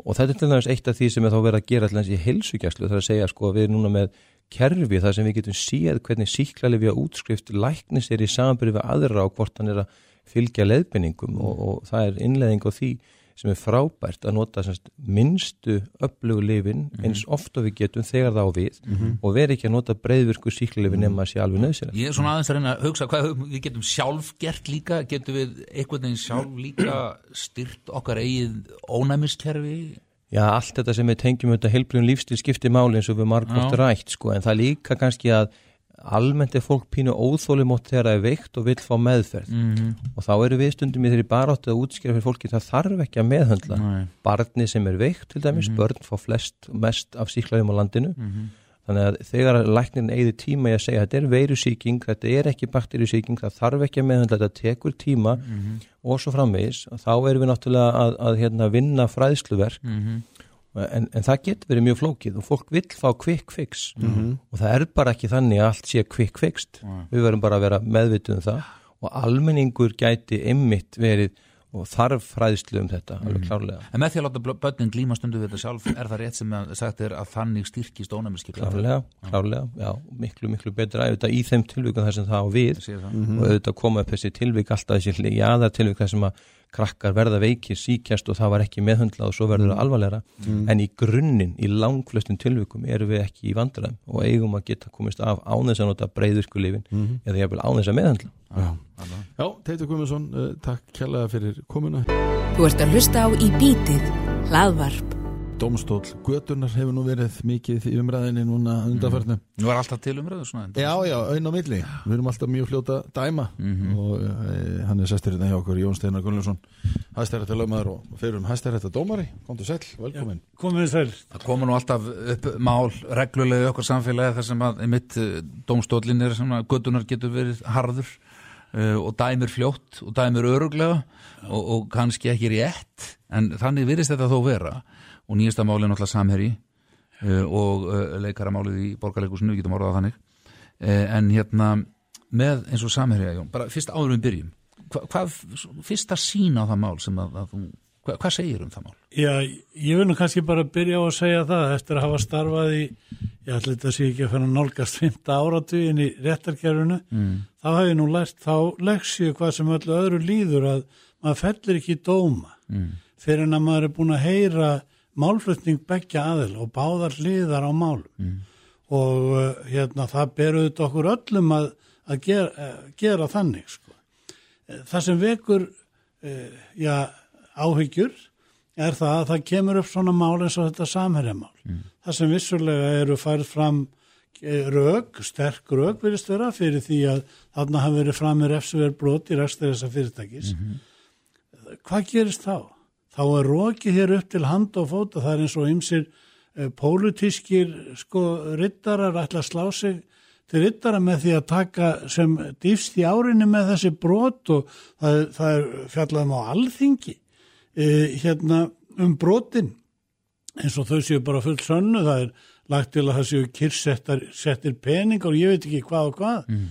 í þessu samfélagi erum við með sérstakar stopnarnir til þess að fjalla um refsiverð brot og uh, það auðvitað skýtur skökku við ef að sjálfur alþingismenn þjóðarinnar geta bara ekki una því að þær stopnarnir fjalli um þetta að þeir byrja á því að sakfella menn með þeim hætti sem við erum búin að hlusta á hér upp á síkasti. Mm. Ég bara mótmæli því að þetta séu tækvinnubröð. Uh, auðvitað er það þannig að það kemur upp, koma upp grunnsendur um að menn hafi broti gegn hegningalega ákvæðum lagana við rekstur fyrirtæki sinna þá verður að rannsaka það mm. og draga þá til ábyrðar ef efni eru til þess mm. að loknum öllum þeim Eh, aðferðum sem að réttar ríki hveður áum mm -hmm. og hveður áum í okkar lögum. En að kyrsetja eignir, er það eitthvað óeðlilegt að gera það í rannsók? Já, ef að það kemur til aðtöðunar að kyrsetja einhverju eignir, mm. þá er það ekki fyrir að eh, tekinni ákvörðum domstóla um það. Mm. Eftir rannsóknum það hvað? Já, já, já, það er domstóla ákveða það mm. að ég er nú ekki með rétt að fara því því alveg á hreinu mm. svona mm. á hraðbergi en, en það, það er ekki þetta kyrseti eigni bara með einhverjum upprópunum mm. og við vitum í raun og veru ekki um sökina, við vitum ekki um nánari atvika þessu og mm. þeir sem að þarna hafði fyrir sökum, þeir kunna hafa ímislegt eh, fram að færa sem skiptir máli og ég segi bara við skulum bara býða mm. eftir því að það er stofnarnir sem að við höfum til þess að fjallum þetta hafa gert það mm. til þess að, að við getum þá komist að, að niðurstöðum. Til mm. hvers erum við með þær stofnan? Það eru þetta til þess að sinna svona málum. En það, svo kemur önnur hlið líka sko sem að leiðir af öllum þessum upprópunum og háaða út af málum sem að varða bara við refsilög og það eru áhrif sem að þetta sínilega hefur á domstólana og niðurstöðu þeirra, við búum hérna í litlu samfélagi þar sem að vega lengta millir manna er stutt. Mm -hmm. menn þekkja hverjir aðra og allt, allt þetta sko. Og ég bara segi það af reynslu minni að, að domstólarnir eru undir allt og miklum áhrifum frá svona því sem að, að hljómar um, um samfélagið og, og, hérna, og það eiga þeir alls ekki að vera mm. við búum dómur um alveg sérstakt starfsöryggi mm. hvers vegna gerum við það? Það er vegna þess að þeir þurfa stundum að taka ákvarðanir sem fara gegn einhverjum svona viðhórum út á gutt. Ætti að segja að umræðan og alþingi hafi áhrif á dómarana? Ég er, al, ég er alveg vissum að hún hefur það. Mm. Ég er svo sem, það er ekki hægt að mæla þetta eða vita, mm -hmm. maður hins vegar sér dómsólusnir mm. þar sem að greinilega er eitthvað undarlegt á ferðinni. Mm. Ég er nú búin að starfa í þessu dómskerfi áratugum saman og ég tek þetta allt mjög hátilega. Ég segi dómstólar eiga að fara bara eftir lögum. Ég er marg búin að tala með hásan mm -hmm. um þetta hérna í þessu samfélagi. Mm -hmm. Þeir eiga ekki að gera neitt annað og stundum þurfa þeir að taka ákvarðanir sem dó, dómara sem er ekkit, ekkit vinsæla. Mm -hmm. Til dæmis ef að það sannast ekki sög á mann sem er sagaður um afbrótt, til dæmis kynferðisbrótt, það sannast ekki sökin en við vitum öll svona, eða teljum okkur vita að það er líklegt mm. að hann hafi framið brotið sko, það er fátitt að, að slíka sakið séu bortna fram á þess að fótu sér fyrir þó það þekkist auðvitað og allt það. Mm, mm. Krafan er samt svo að dómarum á ekki dæma þennan mann sekan mm. nema að sökin hafi sannast. -hmm. Við erum aðilar af mannréttinda yfirlýsingum, alþjóðlegum um þetta og mm. þetta er alveg skýrt í okkar stjórnarská lög samt láta domstólar undan þess, ég er marg búin að sjá það og er að dæma menn í refsingu án þess að sökin hafi sannast. En með fjöðspókinu öllum þessum samfélagsspilum er rödd almenningsorðin þingri í þessum málum vegna þess að almenningur þetta fljótur til að, að, að, að dæma eftir því sem, eða þeim uppsing sem hann hefur strax. Já, ég held að þessi aukna miðurlun sko en samfélagsmiðla sé svona e, e, að öllu verulegu jákvæð því að hún greiðir götu manna til þess að tjá sig um eitt og annað. Menn eiga þetta hins vegar að, að gæta sín á því og, og að, það þetta bara tjáu sig hver eins og hann hefur skapt til og við verðum að hlusta á það og lesa það þannig. Krafa mín er svo að domstólar sé ekki undir þessu áhrif En það eru einstaklingar, mannlegir vantanlega og, þeir, og þeir eru eins og ég sé eins og þú og, og Já, fleiri já, já. að það er ekkit óeðlilegt að menn verði fyrir einhverjum áhrifum. Já, Hvernig getur þú komið í veg fyrir það? Já, ég get ekki gert að öruvísi heldur en að tala um þetta og brína eh, kollega mína í, í dómarastjætt á því að láta ekki slíka hluti hafa áhrif á sig og margir standa sig alveg þokkalega vel og ágætlega í því en aðrir gefa eftir og það er maður svo, sem skilur það. En það eina sem að, maður getur gert er það að tala um þetta og, og að, að, að hérna brína dómarna á að gegna skildur sinni. Þa, Það er auðvitað mjög þýðinga mikið að menn gera. Menn verður alltaf að geta sett sig í spór þeirra sem eru eh, hérna sakaðir um brot, eh, kannski saklusir. Byrju, hvað vilja þeir? Vilja þeir ekki að dómstólni séu skjól fyrir þá? sem að þeir, eh, sem að samkvæmt lögunum sko og, og hérna auðvitað vilja, vilja þetta allir menn og ég, ef við tökum, ég má segja aðeins um þetta samherjamál sko, að það kemur hérna upp þessi, þetta upplaup og allt í lagi með það, fyrir mér er það ein, ein krafa sem að þetta rópar á og hver er hún? Um hlutlausa domstóla sem að bæði draga menn til ábyrðar ef þeir hafa broti gegn refsilögum. Það er auðvitað mjög nöðsynlegt að domstólar eh, hafi eh, vald, vald, og þeir aðeila sem rannsak og ákjara og þess aftar eh, standi sig í því en domstólarnir þurfa líka að venda menn gegn raungum ásökunum eða venda þá ef að sögur er ekki sönnuð og allt þetta.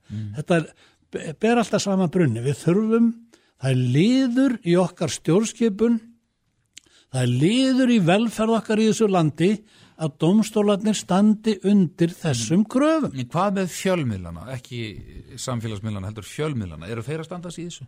Ég eh, veit, ég ge- get nú kannski ekki talað með sama hættu um það en með grunar það að eins og til dæmis í þessum sjónvastætti sem að fjalla um þetta samir að mála þá gruna mig að það sé ekki verið að leggja neina sérstak áherslu á að gæta hlutlægni í frásögninni. Þetta svona fellur alltaf anna aðra hliðina mm. og, og því ég gaggrinni það svo sem ekkert að, að fjölmjöla skuli segja frá svona máli þegar að koma fram upplýsingar um það og gögn og Draga það fram í sviðsljósi. sviðs, en það er líka vandasamt að gera það vel.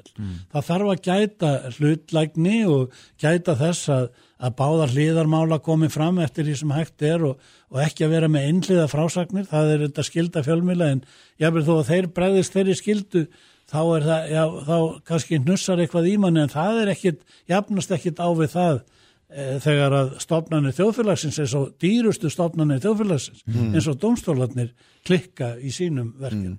En, en getur þú verið sammála því sem að uh, margir segja að það þurfa að rannsaka þetta og það þarf að gerast mjög hratt. Já, já, ég er alveg sammála því. Þegar svona eh, áhöld kom upp á hendur svona fyrirtæki eins og Sameri sem er þýðinga mikið fyrirtæki á Íslandi og, og það var hægt að segja ímislegt um það því að það eh, verðast nú margir hafa hotni síðu engarekstus í landinu sko og, og öllu því sem honum fylgir. Ég, ég geti nú talað við ykkur um það alveg þangað til í eftirmiddaginn Svo sko. við ræðum tölun ekki um kvótan. Já, eða það Já, sko, já. það er nú eitt og, og, og hérna, en ég meina já, ég meina, það, það, það er svo sem þannig að En, en höfum við mannskap í að rannsaka þetta hratt? Já, ég vona við höfum það nú, hérna það er auðvitað ljóst að í svona tilfelli það sem að brotir framið erlendis, að þá verður að fá atbeina erlendra rannsóknaraðila og Ættum við að gera það hér? já, já, það held ég, ég held að við getum alltaf komið fram neinum sökum Nei, því hendina. að þú nefndir áðan sko að við erum lítið samfélag, maður þekki mann og svo framins og það getur líka verið erfitt í dómsmálunum, en þegar kemur á svona rannsóknum, er það ekki enn erfiðar á þar? Jú, jú. Og þyrftuðu bara ekki oftar en ekki að fá erlenda rannsækendur í svona mál? Jú, jú, við erum nú fullvalda ríki og við viljum nú reyna að ráða við þetta sjálf. Já, við viljum líka gæta því að það sé allt gert á hlutleysis.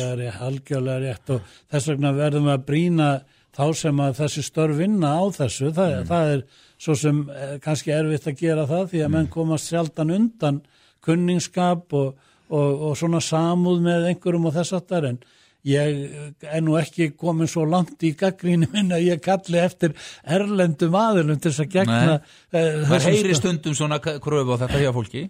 Já, já, ég meina, eh, sumir segja nú að við áttum aldrei að færa hæstaréttin til Íslands, nota bara danska hæstaréttin og það er nú kannski ekkert skrítið, það er ákveðin svona rauk fyrir því, en þess að það er fjarlæð og ekki sama hætta á því að, að dómar að taki svona einhverja vildar afstöðu gagvart eftir því hverjir málsæðilar eru eins og hér hefur því miður allt og mikið gest. Höfum við góða reynsla því að leita til útlanda þegar kemur að, að, rannsóknum? Ég bara geirfinnsmálið. Já, já var, var það, Það var svakalegt. já, já, gerfinsmálið er náttúrulega einn harmsaga bara. Já, þar leituðum við nú til erlendra aðila. Jú, já, það var fenginn maður til að koma hinga til já, já. Íslands og það var auðvitað ekki góð reynsla af því. Sá maður virtist vera bara sérfræðingur í því að knýja fram játningar sko í, í því máli eða fá fram játningar. En annað þegar svona mál kom upp að þá finnst manni stundum að pólitíkin hlaupi svolítið fljótt inn í málin. Já, já. Menn takja afstöðu með út frá pólitískum skoðunum Já, já. eða á móti. Já, já.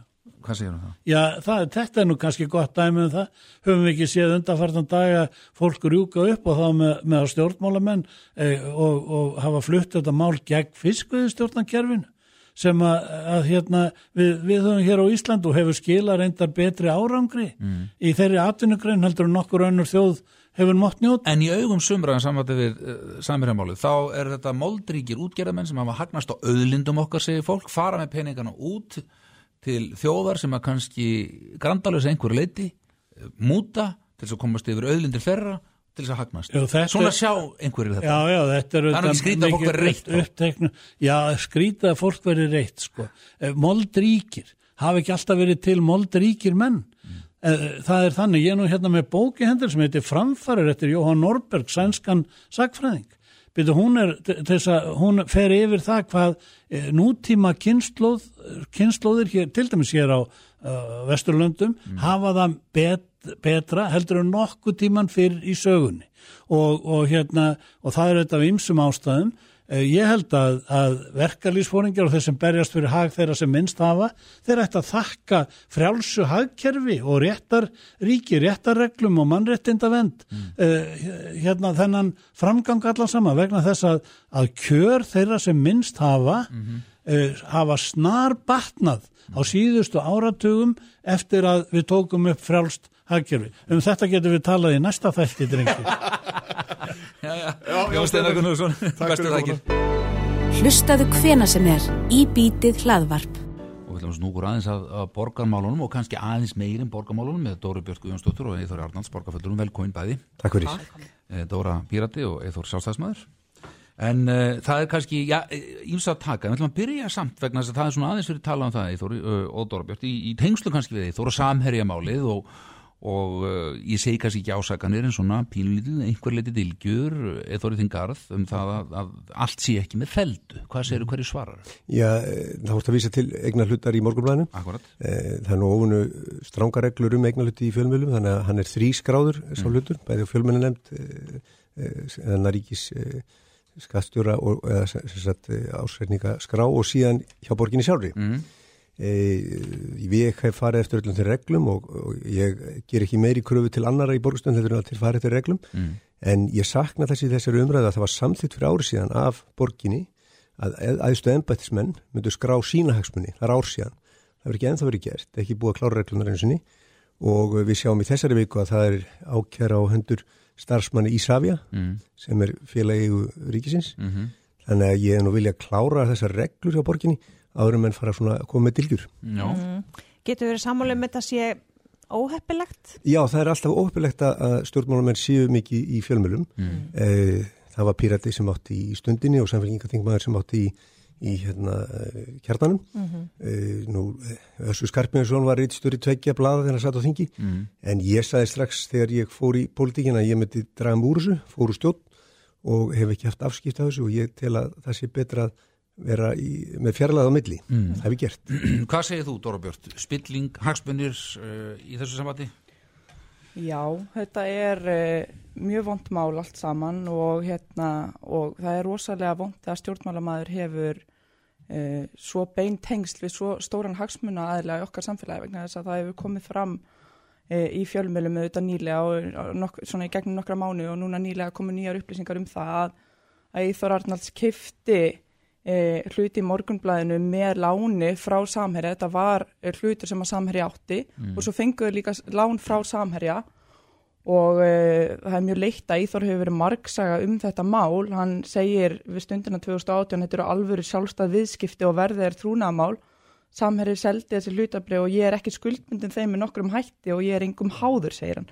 En það sýnir sig að Eithor hefur sagt e, ósatt um þetta eða allavega verið margsaga um þetta og, og hérna og nú kemur svo í ljós að e, það er ekki nómið það að hann e, er algjörlega háður þarna mjög stórum hagsmuna aðila þetta er líka peningar fengnir frá fyrirtæki sem að hefur beinleginst að hlutverk að múta stjórnmálamönnum.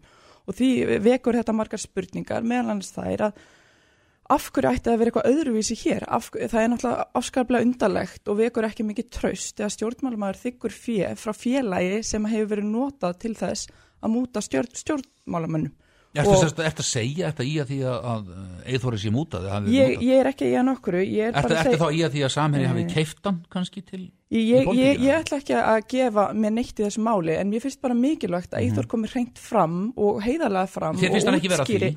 og nei, mér finnst hann ekki hafa ég, við hittumst nú hér um daginn og ég spurði ímessa spurninga meðal annars um það hvort að sé þannig að hann hafi borgað eitthvað fyrir hennar hlut hvort að hann eigi eftir að greiða eh, samherja eitthvað er það þannig að nú er nú er búið að koma fram eh, af fyrirvændi ríkiskattstjóra að að e, þessi hlutur ef að þetta er afskrifa, afskrifaðar skuldir að þetta sé eitthvað sem hann byrjaði að greiða skatt fyrir, hefur hann greitt skatt fyrir þetta mun hann greiða skatt fyrir og svo er algjörlega óutskýrt hvaðan hann er 100 miljónir krónar koma sem er gata á milli vegna þess að þessi hluti kostaði 325 miljónir Já. en hann fekk 225 Hér er Eyþór, Eyþór miljónir Ingi stóð svarið Já, já, algjörlega. Sko, það er aldrei sérstætt að eh, heyra eh, hann ruggla saman sko mér sem personu og því félagi sem er með þetta í fyrsta lagi. Í öðru lagi finnst mér nú ósæmilegt að vera sko, segja það að samheri sko sé einhvers konar mútufélagi eins og mér heyrist hún vera að segja vegna þess að e, það að samheri hafi fengið fjármögnun frá öðru félagi sem er einhverju rekstri síðan og framvegs gerir ekki samherja sjálfkrafa e, að einhver svona, svona félagi eins og hún lýsir. Mm. E, viðskipti voru bara millir samherja og félags í mínu, mínu eigu. Lána viðskipti eru svo algeng í okkar samfélagi að við vorum bara í gær, ég og Dóra, hérna í borgaráði að samþykja greiðslufrest á seljandaláni hjá borginni til loðarhafa. Mm. Borginni sjálf að veita seljandalán. Þannig að þetta er mjög algengt. En ef að þá að gilda aðra reglur um mig, eh, heldur en aðra, þá erum við á vittlisum stað. Þórti Slóa forma borgarás er í fjárfæstikasjóðum. Eh, við hefum ekki gert meir í kröfu til hennar heldur en gert er bara reglum. Og uh, borgarstjór og fleiri í meirilutunum eru leigusalar í miðbænum. Eh, við hefum ekki gert kröfu um hvernig þeir eru fjármagnar að tekið þeirra. Ef að við hefum að fara í nýjar spurningar kakvart mér, þá sama gildum aðra, finnst mér. Já. Þannig að ég segi sko, ef ekki að bara klára þessar reglur sem var samþýtt fyrir árið síðan að gera, Dóra, eh, um það að auka upplýsingagjöfuna og láta það gildum alla en ekki fara í dilgjur kakvart mér og öðrum fyrirtækjum eða svolítið. Þú sést algengt og, og Já. með allt í lagi. Já, alg, sko, það er algengt þegar það er e, menn eru eiga eftir að klára fjármögnun til dæmis að, eða eru að kaupa eitthvað sem er áhættusamt eins og fjölmjölaregstur er að það sé, fylgir því seljandalón og e, borgin sjálfur í alls konar viðskiptum hún gefur út græn skuldabrif e, það er ekkit vitað alveg hvaðan upprunni fjármags er þar hún er í viðskiptum við alls konar aðila ég nefnir bara Vóabið, Óla Ólásson það er engin krafa um hvo- hvaðan fjármunin er komið þar eða annars þar eins og græn skuldabrjónum þannig að e, ef ekki bara hafa þetta þannig að þetta gildi jafnt yfir alla. Þessi hlutur er meira skráður heldur en þeir hlutur sem ég nefndi Já. vegna þess að fjölmjöla nefnd eh, er með þannig eftirlit. En ég sakna þess að Dóra kem ekki á móti mér hérna í bylginni fyrir vikunni það er að elli ádalinn, Já. því að henni var búið það. Já, Sko, mér finnst hérna þetta með hags, að ræða það líka. þessa hagsmunaskráningareglur það sér það hver maður sem vill sjá það að, e, að það skortir ekkert á vilja hjá meirlutanum að setja fram þessar reglur um almenna hagsmunarskráningu. Það er nú freka maðurinn sem að hér situr sem að hefur ítrekka sínta, hann vill ekki leggja spil sín á borðið að hérna hefur tafið það mál en ég ætla ekki að fara sérstaklega út í það. Þetta mál snýst ekkit endilega um það með hvað hætti samherji þetta fyrirtæki sem hefur nú verið staðfest að greiði mútur til stjórnmálum að hafi hugað að nýta í þór. Það er hagsmuna árekstur falin í því að taka við gjöfum hundruður miljóna frá stórum fjárhagslegum aðila og það er nú aðalatrið og þess vegna er það þannig Þetta er að menn sem Þetta hafa, og jafnvel þá að menn hafa verið fullkomlega lögumætum viðskiptum, þá þurfa þeir nú samt að svara fyrir þau þegar þeir fara í stjórnmálinn vegna þess að það er mikilvægt að almenningu getur fullvisa sig um að þeir séu eigin herra og ekki með leinda bara og hér, og engin hér, og hér er reynda er hér, er- er verið að reyna að afvegalega umræðum með það að tala um að já græn skuldabrið og þetta sé ekki alltaf á borðum, það er nú bara opið bókald, það er alltaf á borðum. En það er munur á því að vera í viðskiptum sem almenningur eða þá að vera stjórnmálamaður sem að stór útgerð, en stærsta útgerð á Íslandi, eh, efnaðasta fólki á Íslandi er mögulega með í vasanum. Og það er bara lámarkskrafa að það sé svara fyrir þetta er, mál. það er engin með mig í vasanum, það hefur ekki gefið mér neitt eh, hins vegar var mikil umræði hérna fyrir eh, sko, þetta gerist fyrir nokkrum árum þegar ég, ég kem inn í morgunblæði og þá var mikil umræði það að það var óheflegt af einhæft eignarhald eh, útginni verður og ábænandi nú þykir það vandamál og útginni fór út að Það er engin að tala um þetta. En, en því Það miður, þá þetta ættum við að að finna tíma líka í ræða En- þetta? en mi- En mi- tíminn er mi- að fara að hlaupa frá okkur. já, já. Heimilistjórn og þættinum Já, fór- tími- tíminn að hlaupa frá okkur. Algjörlega, en Ja. bara, nei, þú veist, þegar Eithor segir nýlega í viðtali, ef maður veit sannleikan er með reynt hjarta, þá er allt í lægi, því hefði ég haldið að hann ætti ekki svona erfitt með að leggja spilin á borðin og mögulega ástæði fyrir því að ma maður sem veit sannleikan og er með reynt hjarta vil ekki leggja spilin á borði, er sannleikun sem mögulega bara ansið svartur og Þannig að útskýringarna almanna sem að Eithor var með hérna áðan, þú kaupir þar ekki. Nei, hann svarar ekki neinu, hann bara talar um allt og ekkert og, og hérna og vill ekki útskýra þessar 100 miljónir hvort hann er eftir að greiða. Þú heyrir, hann hefur ekki svarað einni einustu af mínum spurningum sem að hér eru. Allar skráningarnar eru lögum og reglum samkvæmt og uh, Eh, Getur þú fallist á það, Dóra, að alla skráningar það séu lögun samkvæmt? e, það er hægt að hann, já það, eða nei, sko, hann hefur verið er ma- einfalt já eða nei ég, ég er ekki að tala um skráningar hér. Það er algjörlega vita mál að, að hann eigi morgunblæð og það er engin efast um það. Það sem að, að hann hefur ekki komið fram áður í þessu máli og það sem að hann e, fór rangt með var Þetta eru það að hann fekk peninga frá, hann fekk peninga frá Það er- það er samherja rangt. og lán sem að var afskrifað og hann svarar engu um það maðurinn.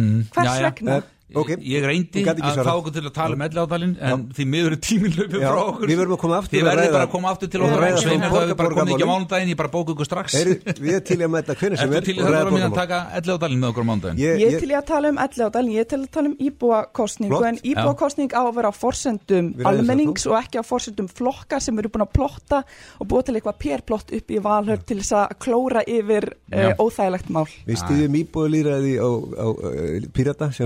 að á, á, á fyrir kostningar og við hittum stýra mánudaginn. Hvernig verður þá að þið samþekki nýja stjórnarskrá? Já, við, við, við erum búin, við tökum lengri tíma ég lofa ykkur því að mánudaginn. Kemur Dóra Björt og Eithor Arnalds kæra þakkir. Hlustaðu hvena sem er á í bítið hlaðvarp. Nú er komið að fréttum vikunar Já, þau eru sest hérna hjá okkur til þess að fara yfir þær, Hans Steinar Bjarnason sem er já, fyrirverandi fjölmiðla maður og upplýsingafulltrúi SOS Batnaþorpa og Áslug Hulda Jónsdóttir, formaður bæjaráðs í Garðabæ, verið velkomin. Takk fyrir það. Takk, takk. Velkomin, eh, fyrirverandi fjölmjölamöður Lo- Losnar maður, er sagt að maður losni aldrei við fjölmjölabakteríuna Æ, verður maður eiginlega að býða með allar svona eh, titla bara að hanga til á, á leggsteininum. Til að vera viss Já, til, að, til að vera viss. Hérna, þetta, er, þetta er auðvitað bakterja, en, en, en hérna, hún er löngum dvala allavega hjá mér. Já, já, já, já. En áslega hvað var í fréttum, finnst þér, svona helsta Já, í- það er náttúrulega ekkert búið að vera svolítið í fréttum nema samherjamálið Mm. undarfarna, undarfarna dag og vikur og, og hérna þetta verist einhvern veginn alltaf aukast nú síðast þetta með skipstjórn í Nambíu sem var í fangilsina nótt og var í farbanni og, fyrir, og hérna þannig að það segir okkur líka hvað er mikið upplust bara þarna úti Mhm. og svona mikið panik vegna þessa máls þannig að hérna, já, mér finnst það kannski svona stóra málið og, og hérna mér svona það sem ég misbjöð kannski mest í þessu, þú veist, þetta er alltaf risastort mál og það er ekki öll gull komið til grafar og það er að skoða þetta miklu byrgar, en mér, svona, mér varst mjög óþægilt að horfa til um svo starfsmannafundin á samherja, það sem að tala var yfir hausamótunum á verkafólkinu og sagt að þau hérna væri öll undir ásökunum með mútur, þá var- langaði mér svona stíðin að nei, það er ekki verkafólki sem er undir ásökunum með mútur, það eru stjórnundir þessa fyrirtækis, Mhm. þannig að það er margt í þessu sem maður getur haft skoðanir á, en, en auðvitað já, þetta er náttúrulega bara eitthvað mál sem þarf að skoða miklu, miklu betur. Já. Tekur nú undir þetta hansi? er nú maður hérna á föstu degi að byrja á léttumálunum. Ég vil bara, ég vil bara kannski koma með þessu tengt áskorun til sjónastöðuna að vá hvað ég sakna spöggstofunar það vantar hérna Saturday Night Live uh, þátt Mm. á lögutaskvöldum Það sem er gert er grín að vikunni, Já, við þurfum, þetta er bara spurning um andlega helsu held ég, bara við, við þurfum þetta.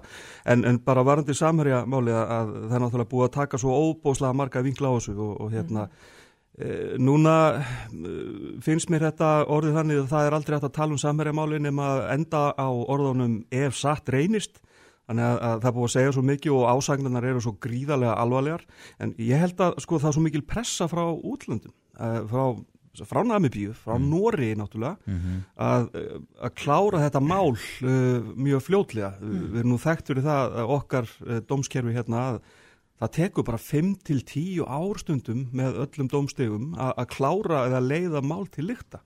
Ég held að núna sé, og það kom nú fram hjá einhverjum ellendis frá í, í fréttormi vikunni, þetta sé prósteinn á Ísland, hvernig Mhm. þetta mál verið klárað. Uh, en ég held að við komumst eiginlega bara ekkert upp með annað en að, að, að, hérna, að spýta svolítið í lóna og gera þetta, gera þetta hratt og, og setja bara mikið púður í þetta. Mm. Þú Ég- meinar kannski að sé verið að fylgjast meira með okkur heldur en kannski okkur grunnar í þessum efnum? Já, já, ég held að þetta er ekki bara Namibíja og Norður, ég held að þetta er, þetta er risastórt spillingamál og, og hérna það er talað um það að svona, ég er svona lauslega áætla það að eh, ef satt reynist sem maður segir að, að Samherji hafi arðrænt namibísku þjóðina um 10 til 15 miljardar þetta, mm. þetta er bara tala sem að ég áætla bara svona út frá ákveðnum fórsöndum en, en hérna þá velti maður fyrir sér með fristingu eigna og það allt saman og ef við tengjum þetta kannski við, við prókar málið þar var líka mikið talað um fristingu eigna. Af hverju voru ekki eignir prókar fristar, af hverju ekki búið eigna, eða frista eignir samherja? Ég, ég ri- rifja upp uh, ummæli sem að Þórdís Kolbrún uh, sem þá var með ráðuniti yfir, yfir þessi mál og sagði í fréttum að því að það er að því að það er of íþingjandi Mm. uh, íþingjandi þá fyrir hvern en, en eh, þýðir það að ef að fyrirtæki er nóg stórt, ef uh, spillingin eða skandalin er, er nóg stór að þá bara getur komist upp með að, að þessu leitinu Mm, mm. Na, þú veist, er bara ef leið og skandalin er orðin íþingjandi að, að þá sé ekki hægt að frista eignir mm. Já, Það er náttúrulega bara svo gríðarlegir hagsmunir undir. Ég meina það er störf bara ef við horfum á Norðurlandið, hvað mm. samherji er mikilvægt fyrirtæki þar. Þannig að það er ekkit svona einfalt bara að segja hérna nú er allt frist og lokað. Mm. Það er bara, þú veist, fjöldi fólks starfsmanna þar sem er undir. Þannig að við svona þurfum að skoða þetta í starra sammengin ég er alveg sammálaðir. Það, ég meina það, en það muni eitthvað gerast. Ríkistjórnin er búin að setja auka fjármagn og einhver áallin gagvart þessu mál og fleiri sem að tengist líka bara þessu með hérna, peningarþvætti og þessum alþjóðlegu samskipti því að heimurinn er alltaf að verða minni með allir öllum tæknilausnunum og þannig að landamörun öðruvísi. Uh, en fæst okkar eru í viðskiptum svona rosalögum uh, fæst okkar eru þar og þekkjum þennan heim og, og reglunar þar sem eru bellibröðin og klækin og allt það. Uh, þetta leiðir hugan að á þess að vera að fella dóma hér að bara svona almennt leiðir þetta hugan að viðskipta síðferði algjörlega, viðskipta siðfræðin það sem að eins og þetta mál sem lítur út í Samerja þá er þetta bara bein lögbrott ef satt reynist Mhm. og það, ég meina það, siðferði er eitt en síðan ertu bara að brjóta lög Mhm, en ég er bara að tala um almennt siðferði. já, já, já, og það er eitthvað, það er, held að það sé efni bara í heilan þátt um Mhm. það hvernig mætti hvernig menn leifa sér að beigja og brjóta reglur Af því að það er nú ekki okkar að fella dóma Nei, nei, beint, sko, nei, en við getum minnst okkur haft áhuga eða minnst skoðanur á síðferðinu Já, já, og þá getum við tekið þetta svona lengra því að við erum nú að tala um samherja og mútumál, það verðist vera svona karlmennum allan heim sem er á miðjum aldri sem eru líki mútum, ekki bara úlingarnir, ég var hérna fréttum að Benjamin Netanyahu, fórsættur ári Ísraels, það er búið að hérna, ásaka hann um, um mútur, fjársvik og umbóðsvik og þetta er í fyrsta skipti sem að Ísraelsku þjóðuleitu er ákjærður meðan hann enn við völd. Aha. og síðan er nú annað mútumál hér á Íslandi sem að ég sá í fjölmjölum í gær það er nú hérna. búið að ákjæra hlæja, þetta er, þú veist, búið að ákjæra fyrir þjónustustjóra Ísafja, fyrir mútur. Og við erum að tala um miða í bílastæðli Já, þú veist, maður hugsa bara, þú veist, þetta er það er talandi um siðfræði, þú veist, það er alveg sama hvað upphæðir þetta eru eða það sem framkvæmdastjóri þess fyrirtækis seldi miðana Já, það var seldi Hagnars miðana, persónlega og persónulega. starfsmæður Ísafja Já, ég, já, þetta var sett annars verið, já, það var Ísafja og svo hérna hjá þessu fyrirtæki. Og það verið að tala um þessu fjára upp einhverja þrjára halva miljón þannig að, þú veist, ég held að þetta sé alltaf við tölum sér, þetta er alltaf þessi litla sko bara hvena ferði við línuna.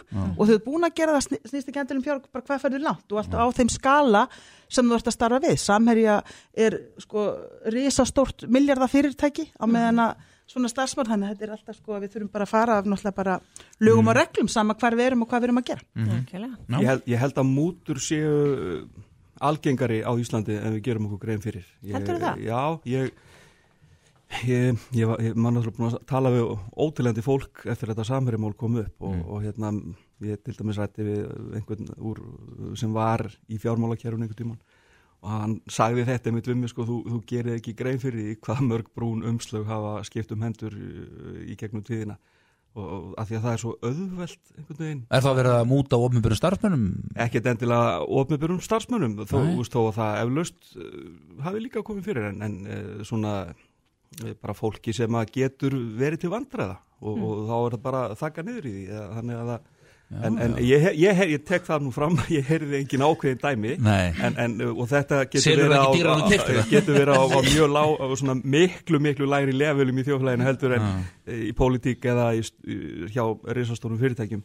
En, en aðeins bara til að loka þessu, þessari umræðu hérna bara um, að því að núna í vikunni er búið að vera svolítið í fréttum auðvitað hæfi sjárótisáðara Kristjáns Já. Júlíussonar. Um, það er verið að tala um það hvort hann sé óhæfur til að sinna þessu embætti núna í ljósi þess sem að nú er nýkomið í ljós ég myndi vilja horfa aðeins lengra tilbaka bara ef maður skoða tröst til, til stjórnmálamanna mm. þegar hann var bæjarstjóri á Ísafyrði og, og hérna Guggan var, var seld til, eh, til hérna Samherja Mm. Og hann uh, hættir þarna á miðju kjörtímabili bara um söpa leiti á Ísafyrði og árið síðar er hann orðin bæjarstjóri og Akureyri og, og, og hérna það allavega Ísfyrðinga voru, voru alveg sót uh, illir. Og, og ég veit að þeir eru það ennþá margi hverjir. E, tek fram, eh, engin lögbrotin eða neitt þannig. En, en bara svona tröst gagvart þessu mannin ég, ég hef alltaf eh, haft svona góða tilfinningu fyrir Kristjánu Júliusinni eftir að hafa bara fylst með honum í sjónvöldinu en, en svona eftir að þetta mál kom upp og maður fór að kynna sér þessa hluti, maður var ekkert endilega meðvitaður um þetta. Þetta er mjög langt síðan. En, en þarna allavega persónulega finnst mér. Þarna, þarna, þetta? Já, og þetta finnst mér rýra rosalega mikið tröst Já. en aftur, þetta gerist fyrir mjög löngu síðan og það er búið að kjósa hann aftur og það er bara búið að kjósa hann síðan. Þannig að hérna en, en bara svona varðandi trösti þá þetta finnst mér rýra það talsvert. Já. í hanskar Já. Uh, fleira? Uh, Ef ekki bara fara í svona einhver léttari málefni eins og Endilega. til dæmis prins Andrew já, hvað með tröstið og honum? talandi, talandi kost, kost, hérna, konungsfjölskyldan í uppnámi og hann er hættu núna að sinna ofnbyrjum skildum í framhald af þessu máli. Og fyrirtæki er að slíta tengslinn við prinsinn. En þetta segir okkur sko, þú veist, fjölmjöla fulltrúin þarf að segja, seg, segir upp, gengur út eftir þetta, hann fór sér satt þarna í þetta viðtali á BBC og maður skilur eiginlega ekki, ég horfði á þetta viðtal, hvað, af hverju hann gerði þetta? Nei, það skildi það enginn. bara af hverju hann fór, þetta var bara eitt vesta viðtal sem maður hefur hort á. Og maður hugsa allan tíman, vá, maðurinn er, hefur svo margt að fela að það er augljóst. Og þetta að um það tengsl hann við þennan bandaríska barnanýðingin Jeffrey Epstein. Og, og hérna sem er náttúrulega bara hræðilegt mál sem að hérna mikil tengsl andru við hann og, og síðan er núna komin ákjæra sem að, það hafa gerst fyrir 18 árum þegar hann átti að hafa nauðgað 17 ára ung konu, stúlku, oftar en einu sinni. Og hérna hann kannast ekkert við þessa konu og hefur aldrei séð hann en samt er til mynd af þeim saman heima hjá barnanýningnum og Já, var eitthvað að gera því skóna geti verið mögulega búið að myndina. þetta og svo var hann líka rosa vissum að þessi mynd var tekin á efri hæðinni hjá Epstein sem hann fór aldrei upp í. En var samt alveg með hreinu hvernig það leit út. Þannig að það er svo, má- svo mundan eftir sko í þessu viðtali var sagt svona já heyrðu það er bara margt þarna mjög nákvæmir lýsingar af alls konar hlutum en þú mann svo vel þetta er svo langt síðan hvað þú varst þetta kvöld? Já því því ég var á pizzastað. Bara af hverju man einhver hvað að hann var á einhverjum pizzastað fyrir 18 árum? Þá kom svona Já, ég er nú prins og það er ekki algengt að ég fara á pizzastad, borðið pizzu og þetta var alls konar svona skrítnar útskýringar á þessu en þetta segir kannski og nú er FBI óska eftir hann aðstöðu við gefi skýslu aðkomi sína að þessu máli. Þannig að það segir líka svona mál sem er bara gott við gleymast ekkert menn slepp ekkert að En hvað er þetta með Epstein að, að, að fangaverið þar voru hvað sagaður um það að, að, að falsa einhver skjöl í tengslu við Já, meint það- sjálfsvíð hans? Já, að það hafi ekki verið svo eftir, það hafi átt að vera eftirlitskild ef- með honum og fylgjast betur með honum sem Þannig var kannski ekki var gert. þetta ekki sjálfsvíg? Kannski, já, já, það getur alls konar verið. Kannski voru sem- mar margi sem áttu eitthvað Já, mar, Að fela? já, það getur verið alls konar hlutir í þessu. Og líka, eða þá að menn hafi bara ákveða að líta til liður og vita að hann væri sjálfsvís hugleðingum, Mm. maður veit það ekki en það, hann var búin að reyna að taka í Já, áður, sko. hann var á, Já, reyndi hann það eins og við höldum okkur Þeir eru svolítið í samstæðiskenningum þennan morgunum bara rosa En það er fössar ekki hlægjandi þessu máli þetta er Nei, ógeðslegt. þetta, er ógíslegt mál og Já. mjög alvarlegt en kannski bara svona það sem er við það að svona mál eru bara komin upp á yfirbord og menn slepp ekkert. Það er svo mikið breytt og það held ég að sé það sem er breytingin og sem er að jákvæði þessu þó að þetta sé algjörlega hryllilegt mál. Mhm. og, og sjáum að þetta er allstar ég menna þetta er bara aðlu konungsfjölskyldinu sem er bara undir alvarlegum ásökunum og, og leiði sér greinilega alls konar hlut og tengsl við svona aðila sem við telja sig ósnertanlega sko. Það er svolítið svolítið, þannig að hérna, það, það er margt búið að gerast í þessu og síðan er annar mál, svo við fyrir nú í enn. Er kannski áður og loka þessu bara, ætla, að- bara að skjóta einu inn af því að við getum tengt þetta svolítið við samhærimálið að, að Andrés Prins hann kemur þó í viðtal uh, hann hefur óbúslega vondan málstað að verja Mhm. og persónulega finnst mér að hann hefði nú bara geta þá uh, úst, sagt bara sannleikan Mhm. en, en það, það er verið að bausta efinur þannig að úst, hvað viltu segja? Að, að þú kemur í viðtal og, og þú reynir svolítið að, að svona koma með, ef, ef það eru rang, einhverja rángveslur þá allavega hefur þú tækifæri til þess að koma með þær. Mhm. en, en, hérna, svo eru aðrir sem að fara að flóta, Mhm. láta ekki heyri, heyri sér og ná í sig. Já, þá hafa menn minnst á sko dómsmál. Ef að málið er í rannsókn fyrir rannsókn fyrir dóm þá kannski best að segja sem minnst hanga til eða hanga til eftir á. Já, reyndar Þetta er náttúrulega mál sem menn viðurkenna ekki nema þeir séu bara... mm. Nei, Já. en, en að, maður veltir því fyrir sér sko líka uh, ef hann ákveður að fara í þetta viðtal uh, akkur hefði hann ekki geta sagt nú er þetta mögulegt lögreglumál og, og hérna ég, bara lögfræðingur minn segir að ég get ekki tjáð mig um ákveðin atrið og Mm. þau, þau eru þessi, þessi, þessi og þessi Já, Ég held að hann hafi bara allir þetta viðtal til að reynsa sig og láta fólk halda að þetta var allt uppspun og lí. Já. Það var mín tilfinning. Það tókst ekki Það tókst ekki. Gekk ekki betur en þetta. þetta gekk ekki vel. En hérna síðan er annað, ég sá nú að því að Facebook minnir mann og ímislegt og ég sá í gær að það eru tvö ár síðan að uh, maður okkar nafni Ragnar Önundarsson virti hérna status sem að fór víða og var svolítið svona, þetta var í framhaldi af, þetta var þegar MeToo-byltingin var í algleimi og út um allt og þá var sem sagt komið fram þeir voru svona ímsa starfstjættir sem stigu fram og fóru að tala um uh, kynferðislega áreitni í sínum, sínum hópum. Og það var verið að tala um uh, kynferðislega áreitni á stjórnmálakonur. Og þar var það ung uh, kona nafna mín Áslug Arna, þingmaður sem að var í viðtali fjölmjölum og var að tala um þessi mál.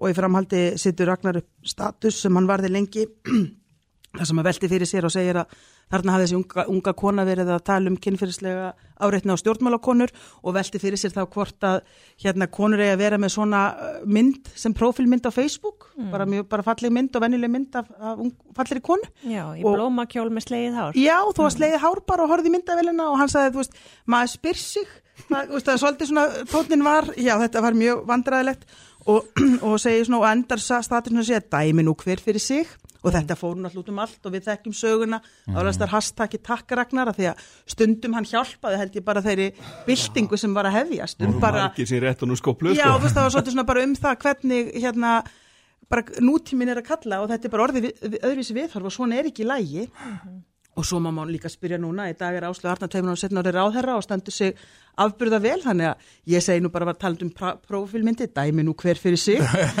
hvernig, hvernig það er Já, maður mann líka eftir millimerkinu sko hæf og við hæfi. Þannig að já, hún er hvort ekki. Já. Já. Um, heimsþing kvenna og, og barna þing líka hans Já, það er náttúrulega eina, eina stóru fréttum vikunar er, er eh, 30 ára amali barnasáttmálans og, og hérna, þetta snertir okkur nú uh, mjög svo hjá SOS barnahorfónum og, og hérna uh, uh, það var 196 þjóðir uh, undirritað barnasáttmálan frá því að hann var samþýttur árið 1989, 20. november Mhm. og um, margt áunni svo sem í, í réttundu barna og, og líka bara ummönnun barna, það er til dæmis barna döiði fimm ára og yngri eða undir fimm ára, hann er, hann er farið niður um 60% og uh, skort uh, svona vanaring, hún hefur farið niður um helming hjá börnum. Og uh, svo náttúrulega finnst mér algjörlega magnað hvernig staðið er að þessu barnaþingi sem er núna hóst í gær og, og, og klárast í dag við erum komið svo óbúslega langt hérna á Íslandi í bara einhvern veginn öllu sem að snýra að, réttindum. Uh, og, og réttindi barna, veist, þetta er til svo mikill að fyrirmyndar. Og svo horfum við til annara þjóða og, og, og við, getum eiginlega ekki borðið okkur saman við því að þau eru svo langt, langt og eftir og þá á ég aðalega við þróunalöndin og, það. Nú hafa SOS Barnaþorpin og fleiri e, samtök sem að, snúast um, um það að, hérna, um, um sagt, að hugsa um réttindi barna og ummönnur barna uh, gefið út álygtun um það og skorað á allar þjóðir að endur nýja skuldbindingu sína gagvart uh, barnasáttmálanum. Og, og það hafa bara ekki nema eitthvað um helmingur þegar gert það.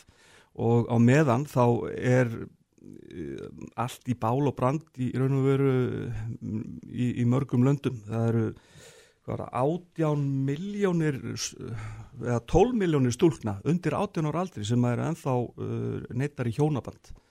E, og, og hérna tól miljónir tól, tól miljónir stúlna undir átján ára aldri uh, sem eru þvingar í, í hjónaband. Og um, Uh, svo er, er hérna, ég var nú með einhverja aðra tölu hérna uh, um annað sem að ég nú greiðlega á dæmi hérna um, um áttar á stúlku sem að hafi verið þvingu í, í hjónaband í mm. Austur Afriku ríki en, en þetta bara sýnir hvað það er langt í land mm. við tökum til dæmis bara á Íslandi árið 1746 var fært í lög bann við barsmíðum og börnum og Mm. og við bara, hérna, ég held að við getum verið ánægð mm -hmm. með stöðun á og því hér. En aðeins að heimstingi hvenna líka. Já, bara þetta er ótrúlega merkilegu viðbyrður ég var hann í fyrra, ég fór ekki ár.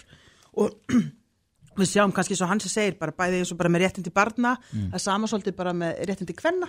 Við sjáum hvað við Ísland á Íslandi stöndum okkur ótrúlega vel bæði að hlusta á rattir barna og bara hvað við erum komið jafn, langt hér í jafnrættisbaratunni og það var bara ótrúlega magnað að sjá alla þessa konur, þetta eru kvenleiðtóðar bara, bara út um allan heim sem mm -hmm. koma þetta saman og hvað er vald eflast við að hitta hver aðra og sjá hvað er hægt og bara læra hver annari og deila. Og svo náttúrulega bara eru þarna magnaðar konur með ótrúlega sögu bara út um all, frá öllum heiminum í rauninni að segja sögu sína. Þannig að maður verður svona, maður fyllir spæði að allavega ég fann svona fyrir bara aðdána þessu, bara þessum rosalega flottu leiðtú, þessum konum sem eru raunverulega að breyta heiminum. En um leið var ég bara stolt, stolt af okkur sem þjóð, mm. bara hvað við höfum í rauninni tekið stór skref og erum að standa okkur vel en það þýðir ekki að við séum komin nángað mm -hmm. en við erum, við, við erum til fyrirmyndir í þessum málum og við erum að halda áfram að vera það Já, mm. einmitt Já, uh, svona kannski eitthvað uh, fleira í lokin Já, Þorbergur Aðarsteins og var nú einn í mjög áhugaverið viðtali hjá okkur í vikunni. Já. Það sem að, hérna, var eiginlega bara sláandi að heyra hvað hann sæði og, og, og hérna, þetta er ennþá finnst mér svolítið svona orð gegn orði, mm. því að ég fór að skoða þetta eins nánar og hvað, hvernig var fjallað um þetta í fréttum á, á sínum tíma þegar þetta kom upp, það sem að hann er sem sagt í flugvel Wizz Air sem er snúið við og hann sakaður um í, í fyrstu bárustrettur um að hann hafi alltaf að ræna flugvilni mm -hmm. uh, þá reyndist það að vera óvarleg ummali hjá örgisstjóra uh, á flugvillinum í Stafangir Já Og, og, og hérna svo var það dreyið niður í það að hann hefði sparkat tvísvar í hurðina Flug, gerður á flugdólk mm. gerður á flugdólki reynda að brjóta sér leiðin í flugstjórnaklefan og já, alls konar sem hljómaði mjög illa. Sem að segir þetta í, í, í fréttum að hann hefði sparkat tvísvar í, í flugstjórnaklefan mm. uh, Þorbergur sagði í viðtælinu hérna að hann hefði hugsanlega verið svolítið hvað ör í snúningum þegar hann fór á klósettið. Uh, nú að ég Þannig að flugfyrirðan var ekkit óeldan en finnist sér ógnað pínlítið þegar hann kom askvaðandi og fór á klósett. Miskilt hún hörðaskellin í, í klósetthörðinni að því að hún, nú er hún, ef ég mann mm. rétt að nývið sér viljónu, þá er hún mjög nála flugstofnarklefunum, það er náttúrulega alveg upp að held hún að heldu allir að hann hefði sparkað í hörðina á flugstofnarklefunum. En að því þú ert að tala um flugdólka, sko, ég er aðlega bara þegar fyrstu dagur, ég er bara svo spennt fyrir helgin, ég ætla að fara mm. að fly over Æslandi kvöld Já. í annarsinn, ég er að fara núna með stórfjölskyldinu, tengdafjölskyldinu og öllum börnum. Ég er búin að fara á að fara aftur, algjörlega, og ég ætla samt ekki að vera neitt, með neitt dólk og ekki, ég ætla að passa að vera með hægar reyfingar svo engi við rættur við mig. En mér langar fyrir ekki aðeins að minna stóða vegna þess að Ringbröð var uh, fyrsta fjölmjöla fyrirtæk sem flutti eða fjölmjöla sem flutti frettir á Þorbyrgi og, og, já. Já, og það vildi svo til að Ritstjóri Ringbröða var í vilni og hann verður hérna mándagsmorgun og segir Já, frá ok. sinni upplöfun hérna. Já, það verður fróðilegt að heyra það.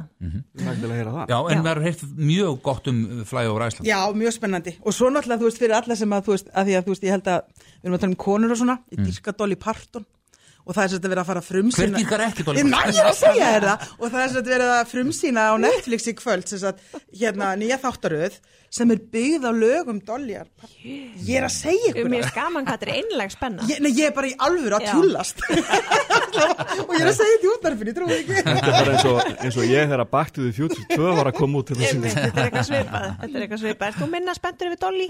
aðeins, ég, ég, ég ætla bara að lifa Jolly, jolly ég, ég, ég segi bara næsta máltak Já. Hvað það gerum helgina annað en að horfa á Dolly Parton? E, ég ætla bara að, að bregða mér aðeins e, bara, það er lærdómur og, og hérna, og vinna. Já, það er bara sliðis. Ég verði að hveti áfram stjórnuna strákurinn minn er að fara að keppa í körubólta Já. og hérna, og er bara svolítið í, í körfunni. Ég var um þetta, það var nú skemmtilegu leikur akkur með stjórn, hérna meistarflokki stjórnunar fyrir norðan um helgina þar sem að hérna stjarnan átti stórleik vann á síðustu þremur sekundunum með þryggjastega körfu og aðalmaðurinn var bara fór veikur og eld út í hotni í, leikli og en við unnum þannig að hérna áfram stjarnan bara Sem er nú aðalmálið. það er aðalmálið, það er alltaf hvernig það endar En þá óskum við ykkur bara góðrar helgar og þekkum ykkur kærilega fyrir komuna. Hans Steinar Bjarnason, upplýsingafulltrú SOS Batnaþorpa, ég ætla ekki lengur að tillaði fyrirverandi fjölmiðlumann og Áslið Hulda Jónsdóttir formaður bæjaráðs í, í Garðabæ. Takk, Við helsa. Góð helgi Hlustaðu hvena sem er á í bítið hlaðvarp.